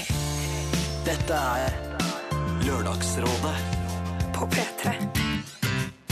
P3. Dere, Vi skal over i um, ganske voksne problemer her i Lørdagsrådet i dag. Litt vi fordi fordi vi har besøk av Side om side-gjengen, som jo hver seg er, dere er voksne og har unger og Mm. hus og alt det der. Mm. Så skal få slippe for mye sånn Tinder og fingring og utfloddsproblematikk. Det er mer Det er litt derfor jeg er her, for å leve et annet liv. Men eh, ok, så så bare Vi skal eh, treffe en frustrert tobarnsmor på 26. Mm. Sånn. Kjære Lørdagsrådet. Jeg har en samboer som også er far til mine barn. Som er vokst opp i pinsemenigheten. Han er i dag ikke en del av den i det hele tatt, og takk for det. Problemet er med besteforeldrene hans, altså oldeforeldrene til mine barn. De har noen holdninger som er så ufyselige at jeg ikke kan få sagt det. Og de er ikke redd for å ytre dem, dessverre. De bruker ord blant folk som sotrør, apekatter, homsejævler og lignende. Og jeg skammer meg bare av å skrive dem. Jo takk, jeg har akkurat lest dem høyt på radio, så jeg vet akkurat hvordan du har det. Eldste sønnen min er ett og et halvt og går i barnehage og begynner nå å få flere og flere ord. Hva gjør jeg? Jeg kan ikke ha en sønn som sier disse ordene i barnehagen og blant folk. Det går ikke. Disse menneskene er 80 pluss. Skal jeg bare overhøre de og håpe at meningene deres dør med dem? Eller skal jeg si fra? Og hva skal jeg da eventuelt si? Hilsen da veldig frustrert tobarnsmor, tobarnsmor på 26. Eller som vi da velger å kalle henne, Sissel fordi det er kortere. Og, der, og dette med sotrør, da sikter du ikke til det faktiske sotrør, men uh, det brukte i rasistisk sammenheng. Ja, for jeg mener at Mm. man må ikke slutte å bruke ordet sotrør hvis du skal ha et rør til ovnen. Nei, nei, nei, du skal ha et sotrør, nei. Eller hvis du skal ha en Eller apekatt, for den saks skyld. Hvis du faktisk Hvis du skal skal ha en faktisk- Ja. ordentlig apekatt. Og aubergine. Jeg vet ikke om det er brukt så mye, men uh, det er i hvert fall i Aldri hørt. Aubergine, hvem er det? Nei, eggplant sier man jo i uh, USA. Om? om uh, om sotrør, holdt jeg på å si. Altså, det finnes altså, Jeg er her for å løse problemer, jeg. Jeg tror du var italiener, jeg. Italiener, er det det? Ja, men de er jo, Har du sett en aubergine? nå? Ja, men Syns du ser ut som en italiener? Det er det han Dennis Hopper sier i eh, True Romance. Nå ser vel ikke eh, eh, de fra Afrika ut som sotrør heller, sånn i utgangspunktet. Nei, så det er det er ikke det at det ligner som Det er jo lign- grunnpremisset. Hæ, er det ikke fordi det ligner som er grunnpremisset? Jeg tror, Er det ikke det? Nei, jeg vet ikke. Nei. Nei, det men må jo være altså- noe der som er litt Nei, Men det er vel ikke hovedproblemet heller, for jeg tror jeg har skjønt uh... Ja, altså, Problemet er at vi har en ett og et halvt-åring her som går i barnehage, som på et eller annet tidspunkt nå kommer til å si sotrør, apekatt og homsejævel uh, i barnehagen. Og de ansatte kommer til å tenke at foreldrene er helt ute å Kommer til å si homsejævel? og eh, Sier de 80 år gamle pinsevennene sier Men, homsejævel? men da, det høres jo ut som disse altså fordi Hvis de er De er såpass gær. gamle at de sitter og rører og bare har sånn eh, Tourettes og slenger ut homsejævel og sotrør stadig vekk, så, så er det jo så surrete at det også går an å si vet du hva, de, de ordene må du si et annet sted. Men det, det, jeg regner med at det kommer i sammenheng. At det er liksom at de kommenterer verden rundt seg, som er problemet. Jeg tror bare det er en evig runde. Altså. Så tror jeg Ja, for fordi da tenker jeg at da er det veldig lett å si vet du hva, vet Ja. hva vi skal ikke til Oldefar i dag. Nei. Nei. Og Også, så- så, eldre folk er jo ganske høflige også i snakkeformen, så du kan jo bare si sånn Homsejævel. Og Ja. de er litt mer sånn rolige rundt det. så blir- tonefall gjør det ja, hyggeligere, Ja. Eh, Men jeg eh, syns det, En annen ting man ikke skal glemme, er jo at rasistiske besteforeldre er jo en, en del av kulturarven vår. Fordi for det, er, altså, det de drev med en gang, er jo ikke noe man egentlig må glemme. fordi eh, akkurat som andre verdenskrig, vi må lære, huske sånn at det ikke gjentar seg. Mm. Eh, så sånn sett er det jo eh, altså, Jeg sier ikke at eh, jeg skal fortsette å påvirke han lille gutten, det er ikke det som er viktig her. Men likevel synes jeg det er fascinerende at de var så rasistiske en gang i tiden. Men det som er litt sånn av en gammel tid. Ja, det kan du si. Ja, men du kan si eh, Så sier man sånn Men de gamle mener det ikke rasistisk, for for dem er det bare beskrivende, for det er det eneste De har bare lært å bruke Homsejævel. De har bare lært å bruke homsejævel og sotrør. For dem så er det bare et beskrivende ord. Ja. Eh, og de mangler alternativer. Mm. Men eh, da snakker man jo som om ikke gamle mennesker kan oppdatere seg. For jeg mener at hvis, de, hvis disse oldeforeldrene klarer å, å lære seg eh, internett og bruk av pad og Facebook, Mhm. så må de også klare å på en måte oppdatere begrepsbruken sin. Så der mener jeg at man må kunne øh, Helt åpenbart bare én løsning her. Ta en kveld, sette seg ned med oldeforeldrene og si eh, jeg har lagt merke til en ting over tid Mhm. som plager meg. Jeg har en, skrevet ned noen ord som er helt greit at dere bruker når dere to er sammen, men når mine barn er der, så hadde det vært fint om dere lot og være. hvis ikke, så tar vi fra deg iPaden? Er det Hvis ikke, du så tar vi fra deg kukkene, krykkene, Ja, høreapparatet Ja, for du mente og du brukte det som argument at eh, nå har dere lært dere internett. Da må dere lære dere andre ting Ja, også. men jeg mener at når, Hvis man har satt seg ned og sagt sånn eh, Tatt seg bryet og sagt sånn, her går du inn på Facebook, og her lager du egen konto. Så Er kan man 80-åringer som er også Facebook? sette Jo, seg jo. Å ja, om Er det er. Ja, Herregud. Men du er ikke på Facebook engang? Nei, nei, men jeg er jo Men Pernille er 90 mentalt. 100 år. Så jeg, Ja, 90 mentalt. Ja, ja, så jeg, Jo, men jeg er enig med at man, at kan, man... man- kan forvente at de oppdaterer seg, men da tror jeg ofte går på at de legger ting til. Jeg tror det er vanskelig å få ting trekke fra, fra ting fra. Men da, da må man altså For meg så hadde jo Jeg hadde ikke lurt et sekund, fordi hvis ungen min Det handler ikke om å være høflig overfor oldeforeldre, det handler om at eh, det er jo mitt rykte det går utover. Hvis ungen min begynner å si alle disse ordene i barnehagen, så er det, folk tror jo at jeg er gæren. Ja, det det. Og det hadde veid tyngst. Eh, altså, eh, det er ikke mine oldeforeldre engang. Men hva Ikke sant? skjer med eh, Er det gangbart lingo i pinsemenigheten å si homsejævel? Jeg trodde de, altså Selv om Ja. det kanskje er eh, litt Kanskje på akkurat siden der av det er den gangbart. mainstream religion, så føler jeg at de eh, står vel for toleranse osv., osv., de også? Homsejævel? Jeg, jeg kjenner ikke helt Kunne igjen man gått til pinsemenigheten, mener du? Det er det jeg lurer på. At, at man tar det via de, kanskje? Og Ja. snakker med Dere vet at Ruth og Arvid at de sier homsejævelen? Er dere klar over det? Ja, Kanskje dere burde snakke litt med dem? Tatt opp en søndag? Ja, for de, de er jo da eksponenter for pinsemenigheten, og en dårlig reklameplakat. spør du Men meg. er det ikke ganske mange religioner der ute som ikke liksom har øh, tatt imot dette med homofili med sånn ordentlig åpne armer? Eh, Jo, men, Men de bruker andre ord. Ja, de bruker andre liksom, Fordi Når du slenger på jævel, så blir, er det liksom helt eh, Da har du liksom allerede tapt. Eh, hvis du liksom bruker soper og sånn, så er det, er litt annerledes. Men vet du hva? Ja. Ja, nå har jeg en skikkelig god idé. Jeg synes at eh, hun, det, En mulighet hun har, er til å bruke liksom uh, ungen sin som et uh, mellomledd eller bindeledd eller kommunikasjonsledd her. Fordi du kan s først si til ungen dersom oldefar sier soterør, eh, homsejævel eller, uh, eh, eller osv., disse ordene her, så må du si til ham de ordene er ikke lov å si. Sånn at du, lærer, du er den som lærer han de først, men du får printet inn i hodet hans at eh, det er stygge ord. Sånn at eh, hvis det kommer fra en halvannetåring, hvis oldefar sier homsejævel Jeg skjønner ikke helt hvorfor han skulle si homsejævel når barnebarnet er der eh, i utgangspunktet, men hvis han gjør det, så er det en liten, søt unge på gulvet som sier sånn Det er ikke lov å si. Jeg syns du skal trene opp han, han lille ungen til å si sånn uh, Når de sier sånn Ja, det er homsejævelen. Jeg er homsejævel sjøl. Ja, Jeg er homsejævel, farfar. Ja, Ja. Da, Men men, da hvis tenker du sånn, å jøss, da, det- da må kanskje vi må tenke oss litt om. ja. Men Han trenger ikke å være det, altså, men han kan bare si det. Nei. Jeg, jeg tenker i hvert fall at eh, de på 80 får man Jeg sier ikke at de skal få lov til å ture fram uten noe motstand, men du får antageligvis ikke endret de. Men barna må vi jo for all del sørge for at ikke går inn i eh, et liv der man bruker Ja. ord som dette. Ja, men da Så er det det, bare er der vi må stoppe dem. Men hvis man s- printer inn i hodet deres at dette er stygge ord, det må dere ikke si. Ja. Hva er kulest å si i barnehagen da? Det stygge ordet du har lært som man ikke skal si. Det er jo nettopp da man begynner å bruke det. Ja, det er det. Så man må jo heller late som om de ordene er kjedelige eller nerd, eller jeg- nerd, Jeg ville kuttet tvert jeg, med besteforeldre. Det ville jeg gjort da. Jeg ville absolutt Jeg ville aldri møtt igjen. Og så sagt, Grunnen til at du har kuttet tvert, er det og det. Ha det, snakkes når det er rydda opp i. Du ville ikke sagt fra før du kutta henne? Hadde du ikke gitt dem Jo, en jo, sjans? jo. Eh, Jo, jeg hadde gitt en beskjed, men hvis de allerede er ute i homsjæveland, så, så syns jeg de har strukket strikken. Ja, da må man jo si sånn som man sier med ungene. Du kan ikke komme tilbake hit før du har begynt å snakke ordentlig. Ja. Mm. Men nå går, nå går du hjem, og så kommer du tilbake når du kan snakke ordentlig. Ja, dere får printe det ut av hodet, som dere pleier, du og Jeg sier Siri. ikke printe inn, Begge jeg sier printe. Ja, jeg sa Siri sier printe også, er det det det heter? Det heter prente inn. Ja, Det heter at dere sier printe begge to. Ja, det er rart, det. Jeg måtte ta et valg, og så gikk jeg for Ja, printe. sånn er det jo her i Lørdagsrådet. Man må jo ta valg hele veien. Ja, ja. Mm.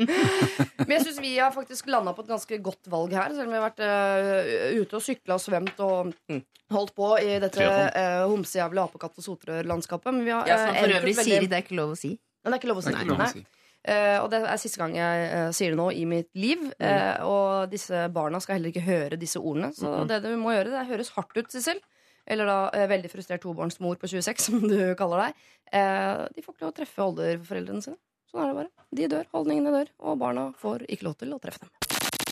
Dette er er P3. Eh, vi er en gjeng her i dag også, som vanlig Lørdagsrådet. Det er jo Vidar, Pernille og Bjørn. Ja, Tore. Heller det enn Steinar. Jeg er så drittlei av det Steinar-greiene. Jeg skjønner, jeg skjønner, jeg skjønner. Og det er fordi man vet at man ikke skal si det. Ja, så ligner man ikke. Man Nei, ligner det jo ikke. Nei, det ligner ikke.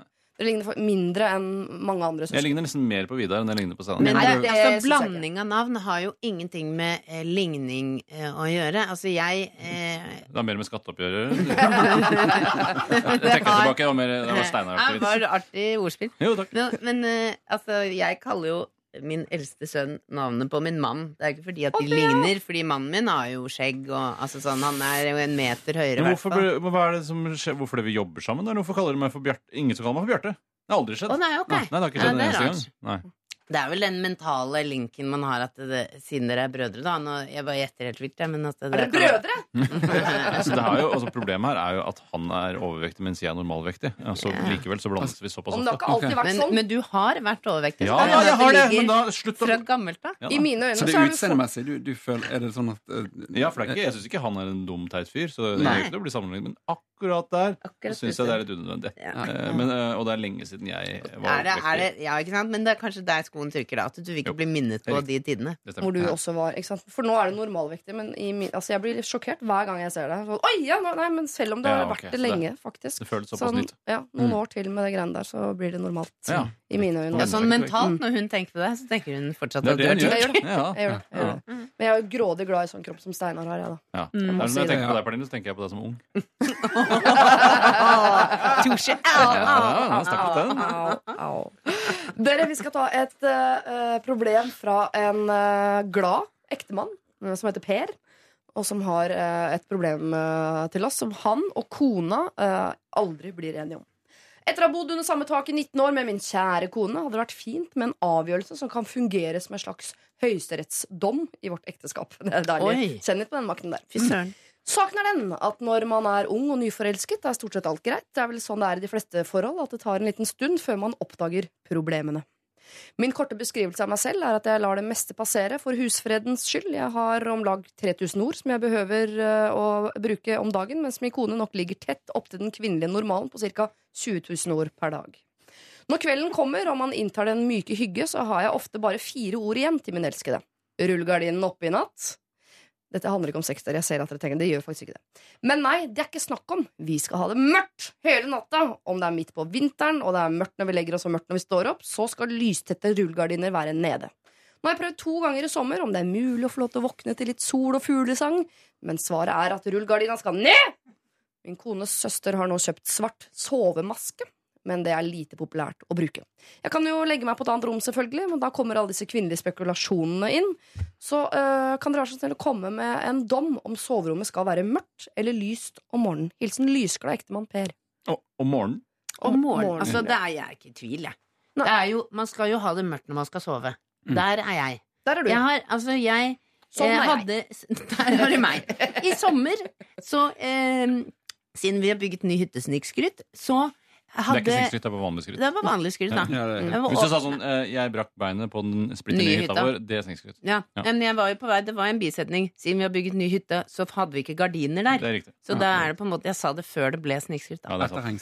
Så, så hadde ikke vi fått inn gardiner. Og da var eh, Da lå jeg og sov med altså, åpne vinduer. Og ulempen med det Mhm. er jo at uh, solen, den, den kommer jo inn sånn fire-fem om morgenen. Ja.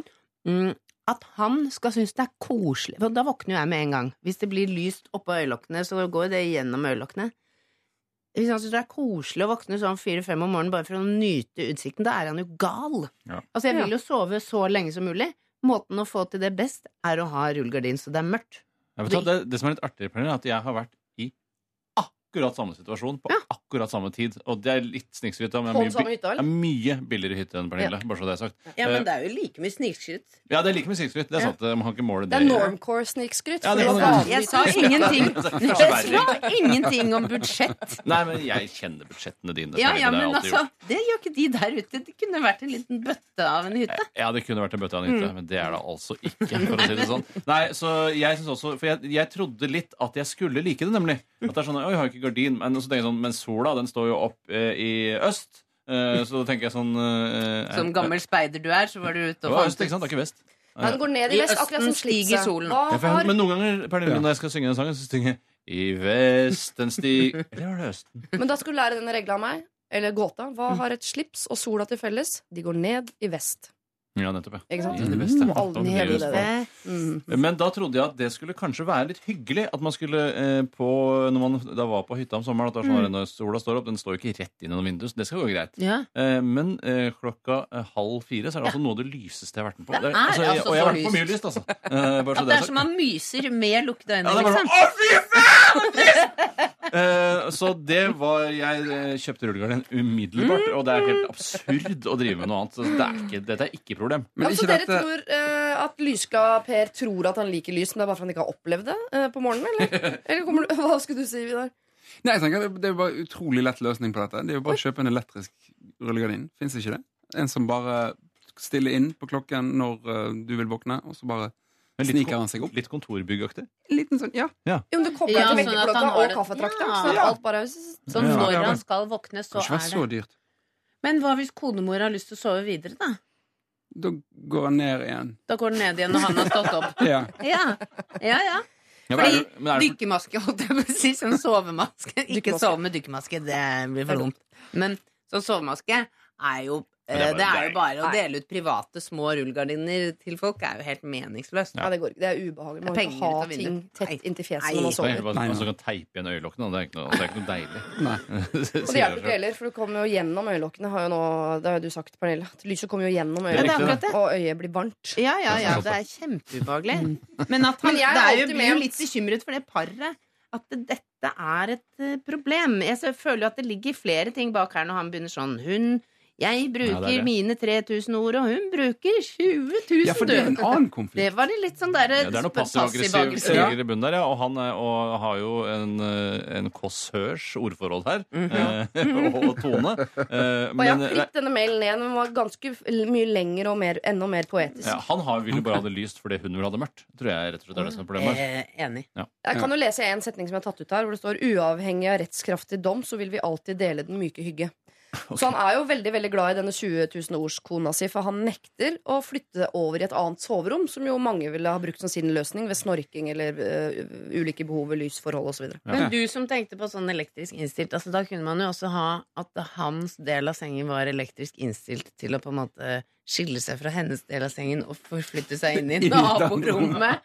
Ja, Akkurat når det ble morgen. Ja, Og så, sånn at han på en måte forflytter seg inn i et annet rom og får se mor morgensolen der, Hva om at det kommer altså, en elektrisk boks som uh, glir over sengen til hennes, hennes del av sengen, mens uh, persiennene går opp, han står opp og går ut, og så persiennen igjen, boksen går trekker seg tilbake. Det er en eh, teknisk mulighet her. Jeg Ja. tror uh, problemene er mye, mer, mye dypere enn som så. Eller at de legger seg i køyeseng, da, hvor det er lys oppe og mørkt nede. Ja, Det er fortsatt i på samme soverom, når man ligger jo ikke inntil hverandre likevel. Nei, det blir ikke så mørkt oppe i den øverste køya, faktisk. En slags Nei. kuvøse for Ja, kanskje. voksne menn. Ja. Men dere, det fins jo og Dette trodde jeg kanskje du husket, eh, Tore. Men, eh, for du jobbet vel også i P3 på det tidspunktet hvor alle til jul fikk en sånn vekkerklokke som ikke vekker med lyd, men som faktisk vekker med lys. ja. Fikk alle Du det? Stiller den inn på fikk ikke, Mm. Du fikk kanskje en DAB-radioen som du da. Men Ja. vi fikk i hvert fall sånn eh, Det fins vekkerklokker som da Ja. er Hvor stor er den, liksom? Den er ganske stor. Som og da- et vindu. Men den eh, blir lysere og lysere i tempo med en falsk sol. Så det begynner sånn dunkelt. Og Og så så, er jo det- blir eh, rommet ordentlig, ordentlig Vet du hva, jeg har faktisk, eh, så hadde jeg en sånn, Det var fordi min kone kjøpte en sånn på eh, altså et rent privat initiativ. Ikke fått eh, en gave på jobben. Men det var faktisk eh, grunnen til at vi ikke brukte den mer, for det funka ganske bra. ganske artig. Eh, det var at eh, brukergrensesnittet var så komplisert at jeg ikke klarte å stille inn alarmen. Eh, og, og det er jo da Sånn. altså, jeg, jeg føler ikke at jeg Jeg føler meg jo litt tilbakestående, men likevel jævla komplisert, da. Hæ, det er sjelden. at Du klarer å lære klokken ganske kjapt. Ja. Så den kasta vi, rett og slett. Sover du med, med gardinen nede eller oppe, Vidar? Jeg sover komplett nede, og ja, vanskelig for å sove i det hele tatt. Så jeg Å, ja. trenger et fast system.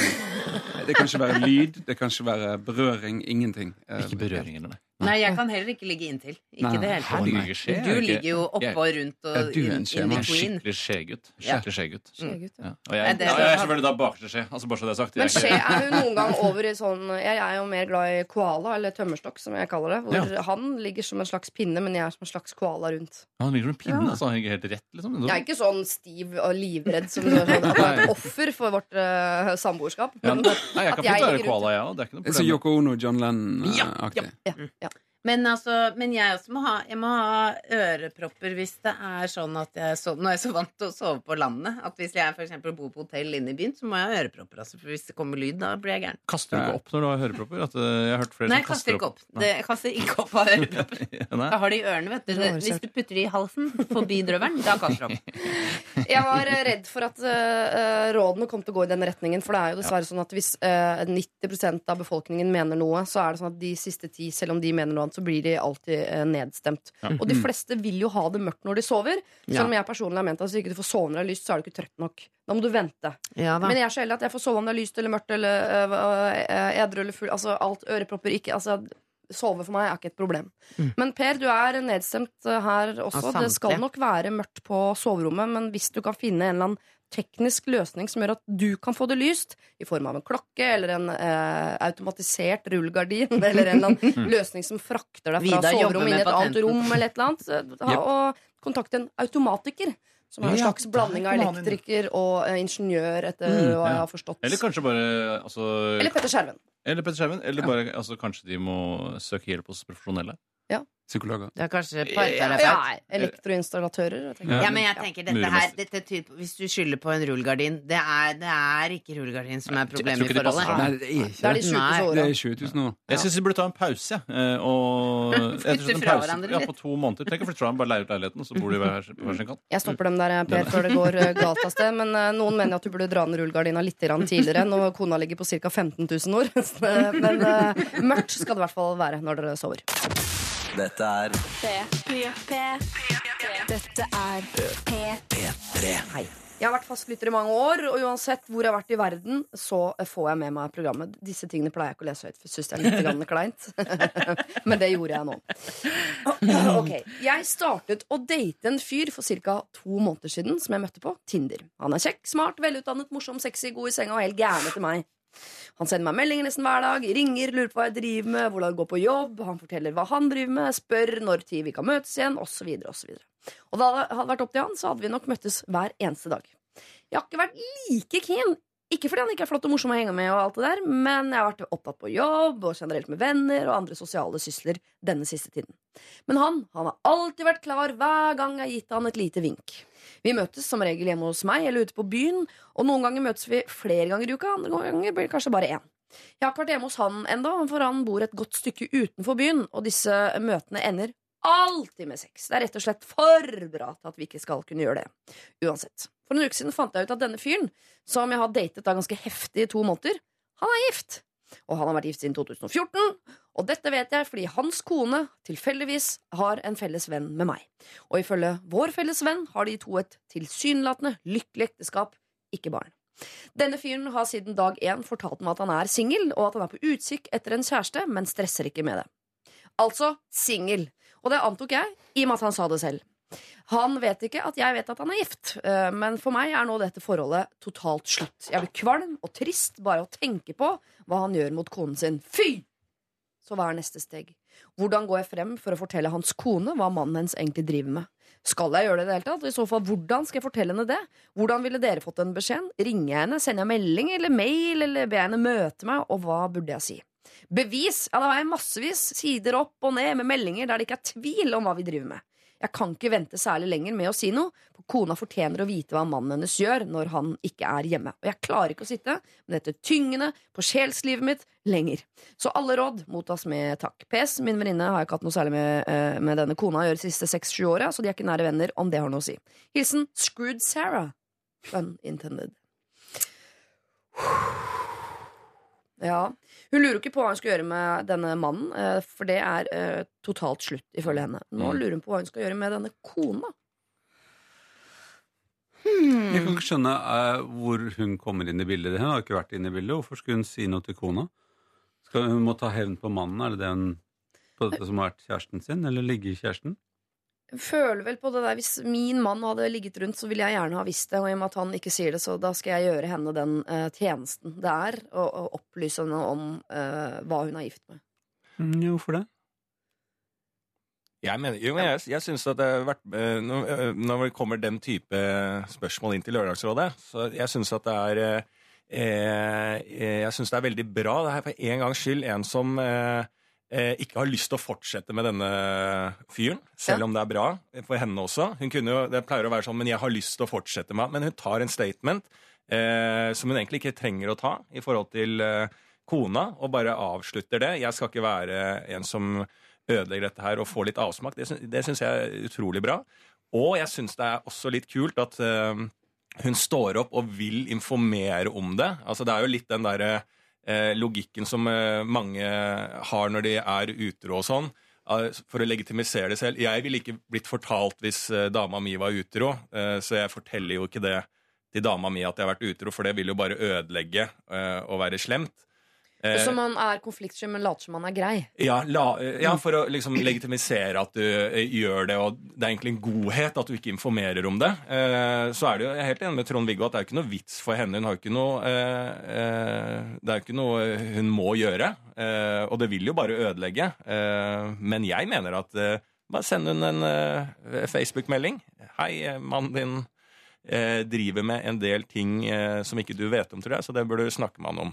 Eh, så jeg syns at det er bra, jeg. Gjør det. Eventuelt, eh, Jeg er ikke en av dem som syns at man skal informere om utroskap fordi man ikke skal blande seg inn i andre saker. Men fra, fra søster til søster, Mm. lei en privatdetektiv. Det var voldsomt. Hva er, det, er hva er det du skal finne ut? Veit du alt? Hva er det du skal finne ut av i tillegg nå? Mm, ja, nei, det var godt. Det var, det var bra sagt. Det var veldig? Da leier du egentlig bare en fyr bare som skal ta bilde av deg sjøl. Ja, da tar jeg bare et annet standpunkt i stedet. Nei, men eh, det som jeg har er telefonnummeret hennes. Jeg var så innmari lyst på DNA-koden. Men er poenget at Er det noe viktig da at hun får vite at han har gjort det? Eller er det mm, eller er det viktigste er at han slutter med det? Kan hun true han? Altså kan hun sende en torpedo eller bare en veldig en skummel Noen hun kjenner som ser skummel ut, og si at det ville ikke vært med ruter og hvis jeg var deg? Og så liksom stoppa det, da. This ends here. Men det er jo, eh, jeg er helt enig med, med, med Lars. at Det, er- det er flott at hun reagerer. For det må man jo gjøre. Men at hun reagerer litt sånn moralsk. Eh, Men samtidig syns jeg at hun har jo bare et forhold til denne mannen. Så denne mannen bør få ryddet opp i, da, hvis hun skal rydde opp i noen ting.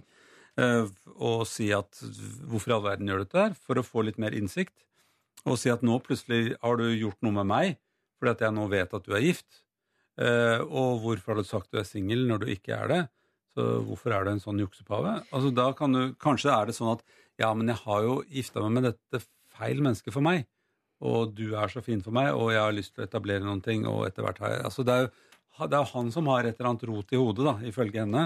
Han har noe rot i skuffer og skap og hoder og, og uh, truser og alt. Ja, man, man- der er, her er det rot. Men, for det det er noen bare- som liker å ha sånt rot også. Man må ikke, må ikke se på livet som at det fins én standard. Det er jo det er noen som syns det er helt greit å ha en på si. Det gjorde man jo Du som leser romaner. Det har man gjort i fryktelig mange hundre år. Det er deilig. Det er ikke ofte jeg har fått det fra jeg Kan du si det en gang til? Du som leser romaner. Nå er jeg han. Men hvis han syntes dette var helt greit, at han var en sånn type som drev med det og ville ha rot i livet sitt, sånn, så hadde han jo stått for det. da Men da hadde han jo ikke presentert seg som singel eh, på jakt etter et forhold. Det ville han sagt sånn han jo Jeg er en gift type, ja, men som ligger litt rundt. Altså, Det, Han ja, si det. ja, det er jeg helt enig i, men da ville han vært en skikkelig tøff kar. Men det jeg kan si er at Ja, men du har jo aldri spurt meg om jeg er gift.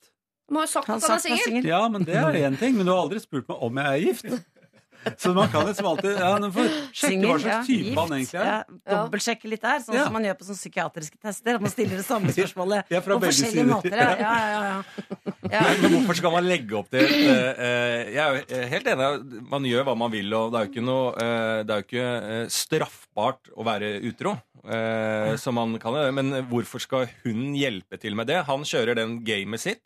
Og kanskje ikke det er første han gjør det med. Eh, så hvorfor skal man liksom hele, hvorfor, hvorfor skal man ha sympati for han?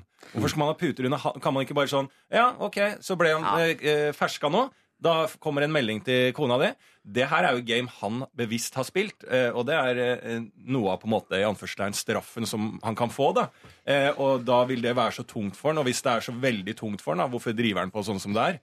Eh, Ja, for det resonnementet Hun liker spør, veld, hun spør veldig konkret her hva er neste steg. Og det, Ja. hun, vi skal, hun skal få noen helt konkrete råd på hva neste steg skal være. Men jeg vil at Ja. vi skal tenke litt grann på først. Mens vi hører på musikk, så vil jeg at alle skal tenke inn i hodene sine okay, på jeg hva er, um, hva er motivet hennes. Er hun ute etter å hjelpe sin siste, Mhm. eller er hun ute etter å hevne hø miste?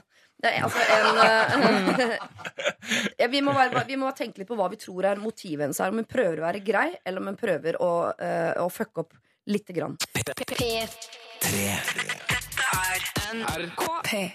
Så vi er midt i et problem som er ganske prekært. Eh, Jeg vet at denne Screwed Sarah, som hun kaller seg, hun står overfor et valg i livet sitt nå eh, som vi er med å avgjøre. Og hvis vi sier til Sara at hun skal fortelle eh, kona til fyren hun har drevet ligget med i to måneder nå, at han er utro, så har hun tenkt å gjøre det i morgen. Eh, hun spør hva er neste steg. Og jeg synes det er, Hadde det vært innpå det, men så er det rart at ikke det i større grad eh, har vært snakk om hvorvidt hun skal outsource dette med å gi beskjed til kona til mannen. altså, men det er kanskje det du har prøvd å hinte om, tror jeg, Igor. Ja, jeg hintet det ganske Sara, kraftig. denne kona, har jo med hverandre å gjøre. Ja. Men uh, samtidig så har jeg tenkt litt mens vi har snakket her, eh, alt jeg på å si, og ikke har snakket om dette, fordi at vi skulle tenke for oss selv. Um, det at, uh, at han gjør som han vil, eh, burde jo inspirere henne da, i hvert fall til å gjøre som hun vil. Og det hun har gjort nå, er jo å være sammen med han. Og det som skjer med henne nå, er at hun, hun får en type emosjonell eh, reaksjon på det. Søren, jeg er blitt lurt. Mm. Og det får hun lyst til å hevne. Eh, for å få en slags balanse hos seg selv. Og hvis det innebærer at hun sier det til kona hans, uansett hvordan hun sier det, så er jo det in his face. Han får gjøre det siden hun er ferdig med han. Han får jo ta det som han For det er han som har lagt opp til å leve dette livet. Da må han jo ta det han får av motstand også. Hvis det gir henne glede, så kanskje hun får en emosjonell balanse. Det var liksom det jeg hadde tenkt. Jo, men jeg føler at det er noen casualties her. Hvis hun tar det, altså, at det er noen uskyldige ofre i den saken. Hvis hun, eh, Ja, det er hvis hun går kona rett på hans. Ja, ikke sant? Da er- blir det vondt hos henne. Ja. Hun må jo sørge for at det blir vondt hos han, først og fremst. Hvis hun skal hevne seg, så skal det gjøre vondt hos han. Det er Ja. sant, Da må vi finne en alternativ hevn. Det Mhm. kan vi jo hjelpe til med senere.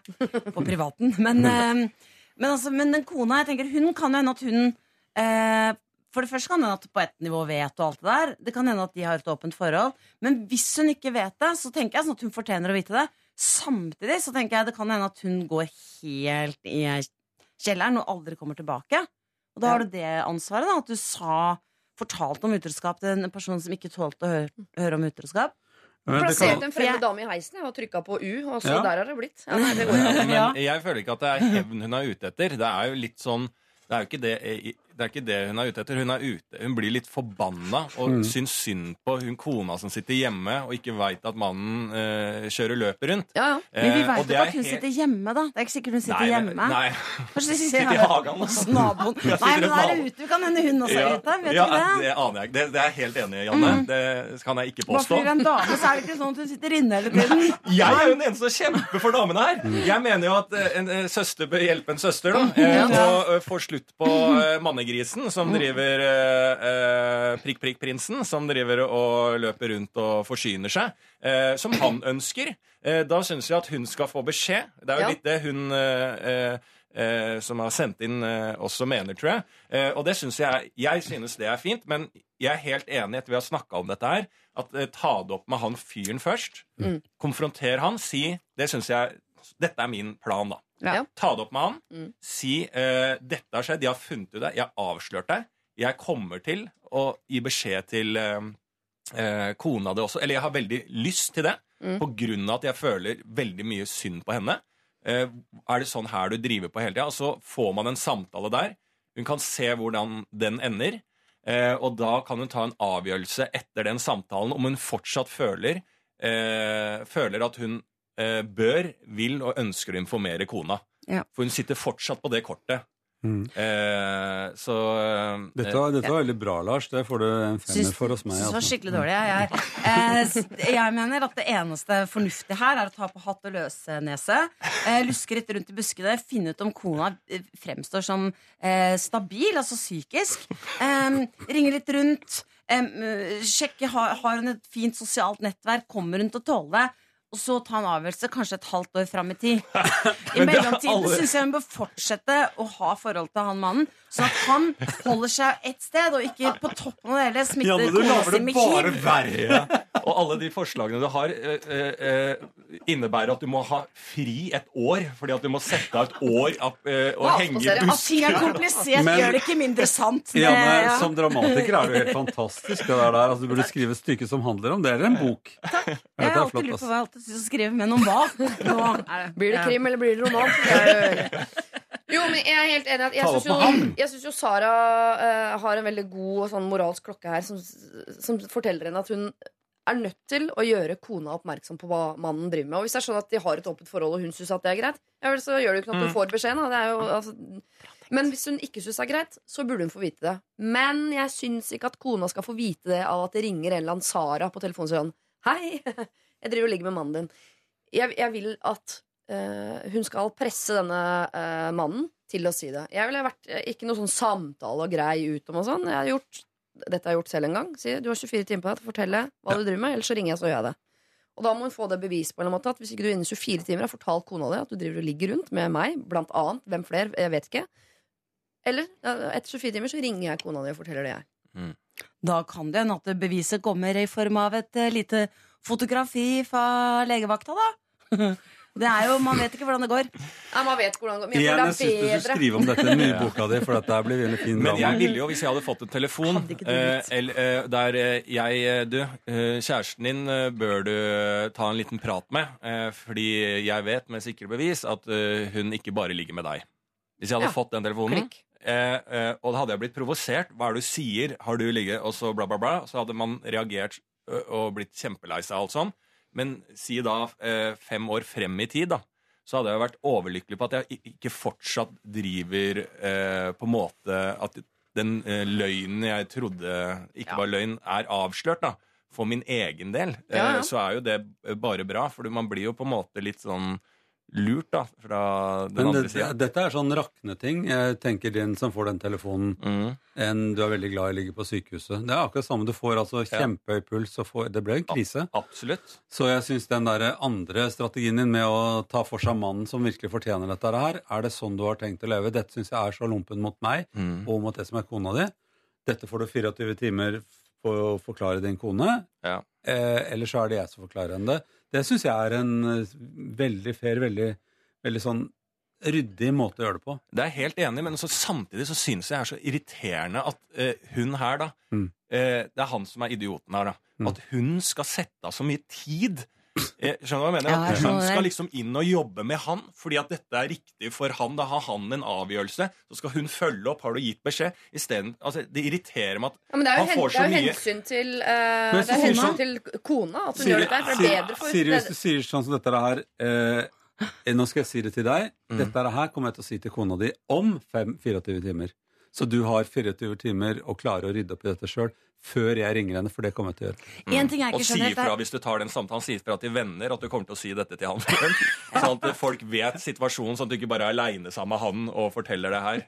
Sånn at ikke hun plutselig bare forsvinner. Ja, det blir spennende å høre hva hun gjør, da. ja, men jeg, du trenger ikke å mø altså, Her er SMS og messer Her er alt lov. Ja. Du ikke, det er ikke noe sånn face to face-greier. Det er vi ferdig Nei. med her. Uh, det trenger du ikke. Men de Sara. bevisene, hvordan ser dere for dere altså Dere sier at jeg er en dramatiker, men hva, hvordan ser dere for dere at de bevisene på at eh, denne beskjeden er gitt, eh, skal skje? Skal Nei, kona lese inn et eller annet på en videosnap, eller hva, hva slags bevis er det dere Ja, har det tenkt er- å skaffe til Ja, han får bare en gavepakke, han fyren nå. Men det er greit. Skal, Ja, så dere har en løsning som ikke er gavepakke. kontrollerbar, da. Så det er Ja. sånn, vi syns det, og hvis ikke så kommer jeg Men det er til ikke igjen den jeg hadde i sted. Fortell kona det. Det er eh, den Fortell sikre- kona, så ringer jeg om 20 henne om 24 timer og sjekker om du har gjort det. Nei. Nei, bare fortell det rett til kona. Det er den eh, rikt, eh, riktigste måten hvis man skal bare gjøre det rett frem. For du får jo ikke noe bevis. Han, han kommer til å trikse det til. Men, kommer, men for hennes egen del, for å få ryddet opp i dette, så bør hun snakke med han, tenker jeg. Og for å gjøre den der søster til søster, så bør hun si om 24 timer forteller jeg til kona di, for dette er så sykt. Eller dette er så lompent.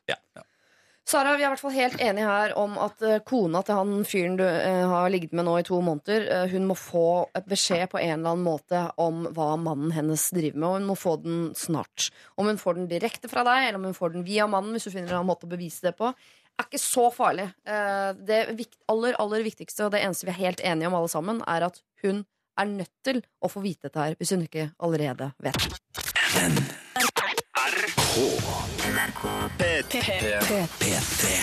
P3.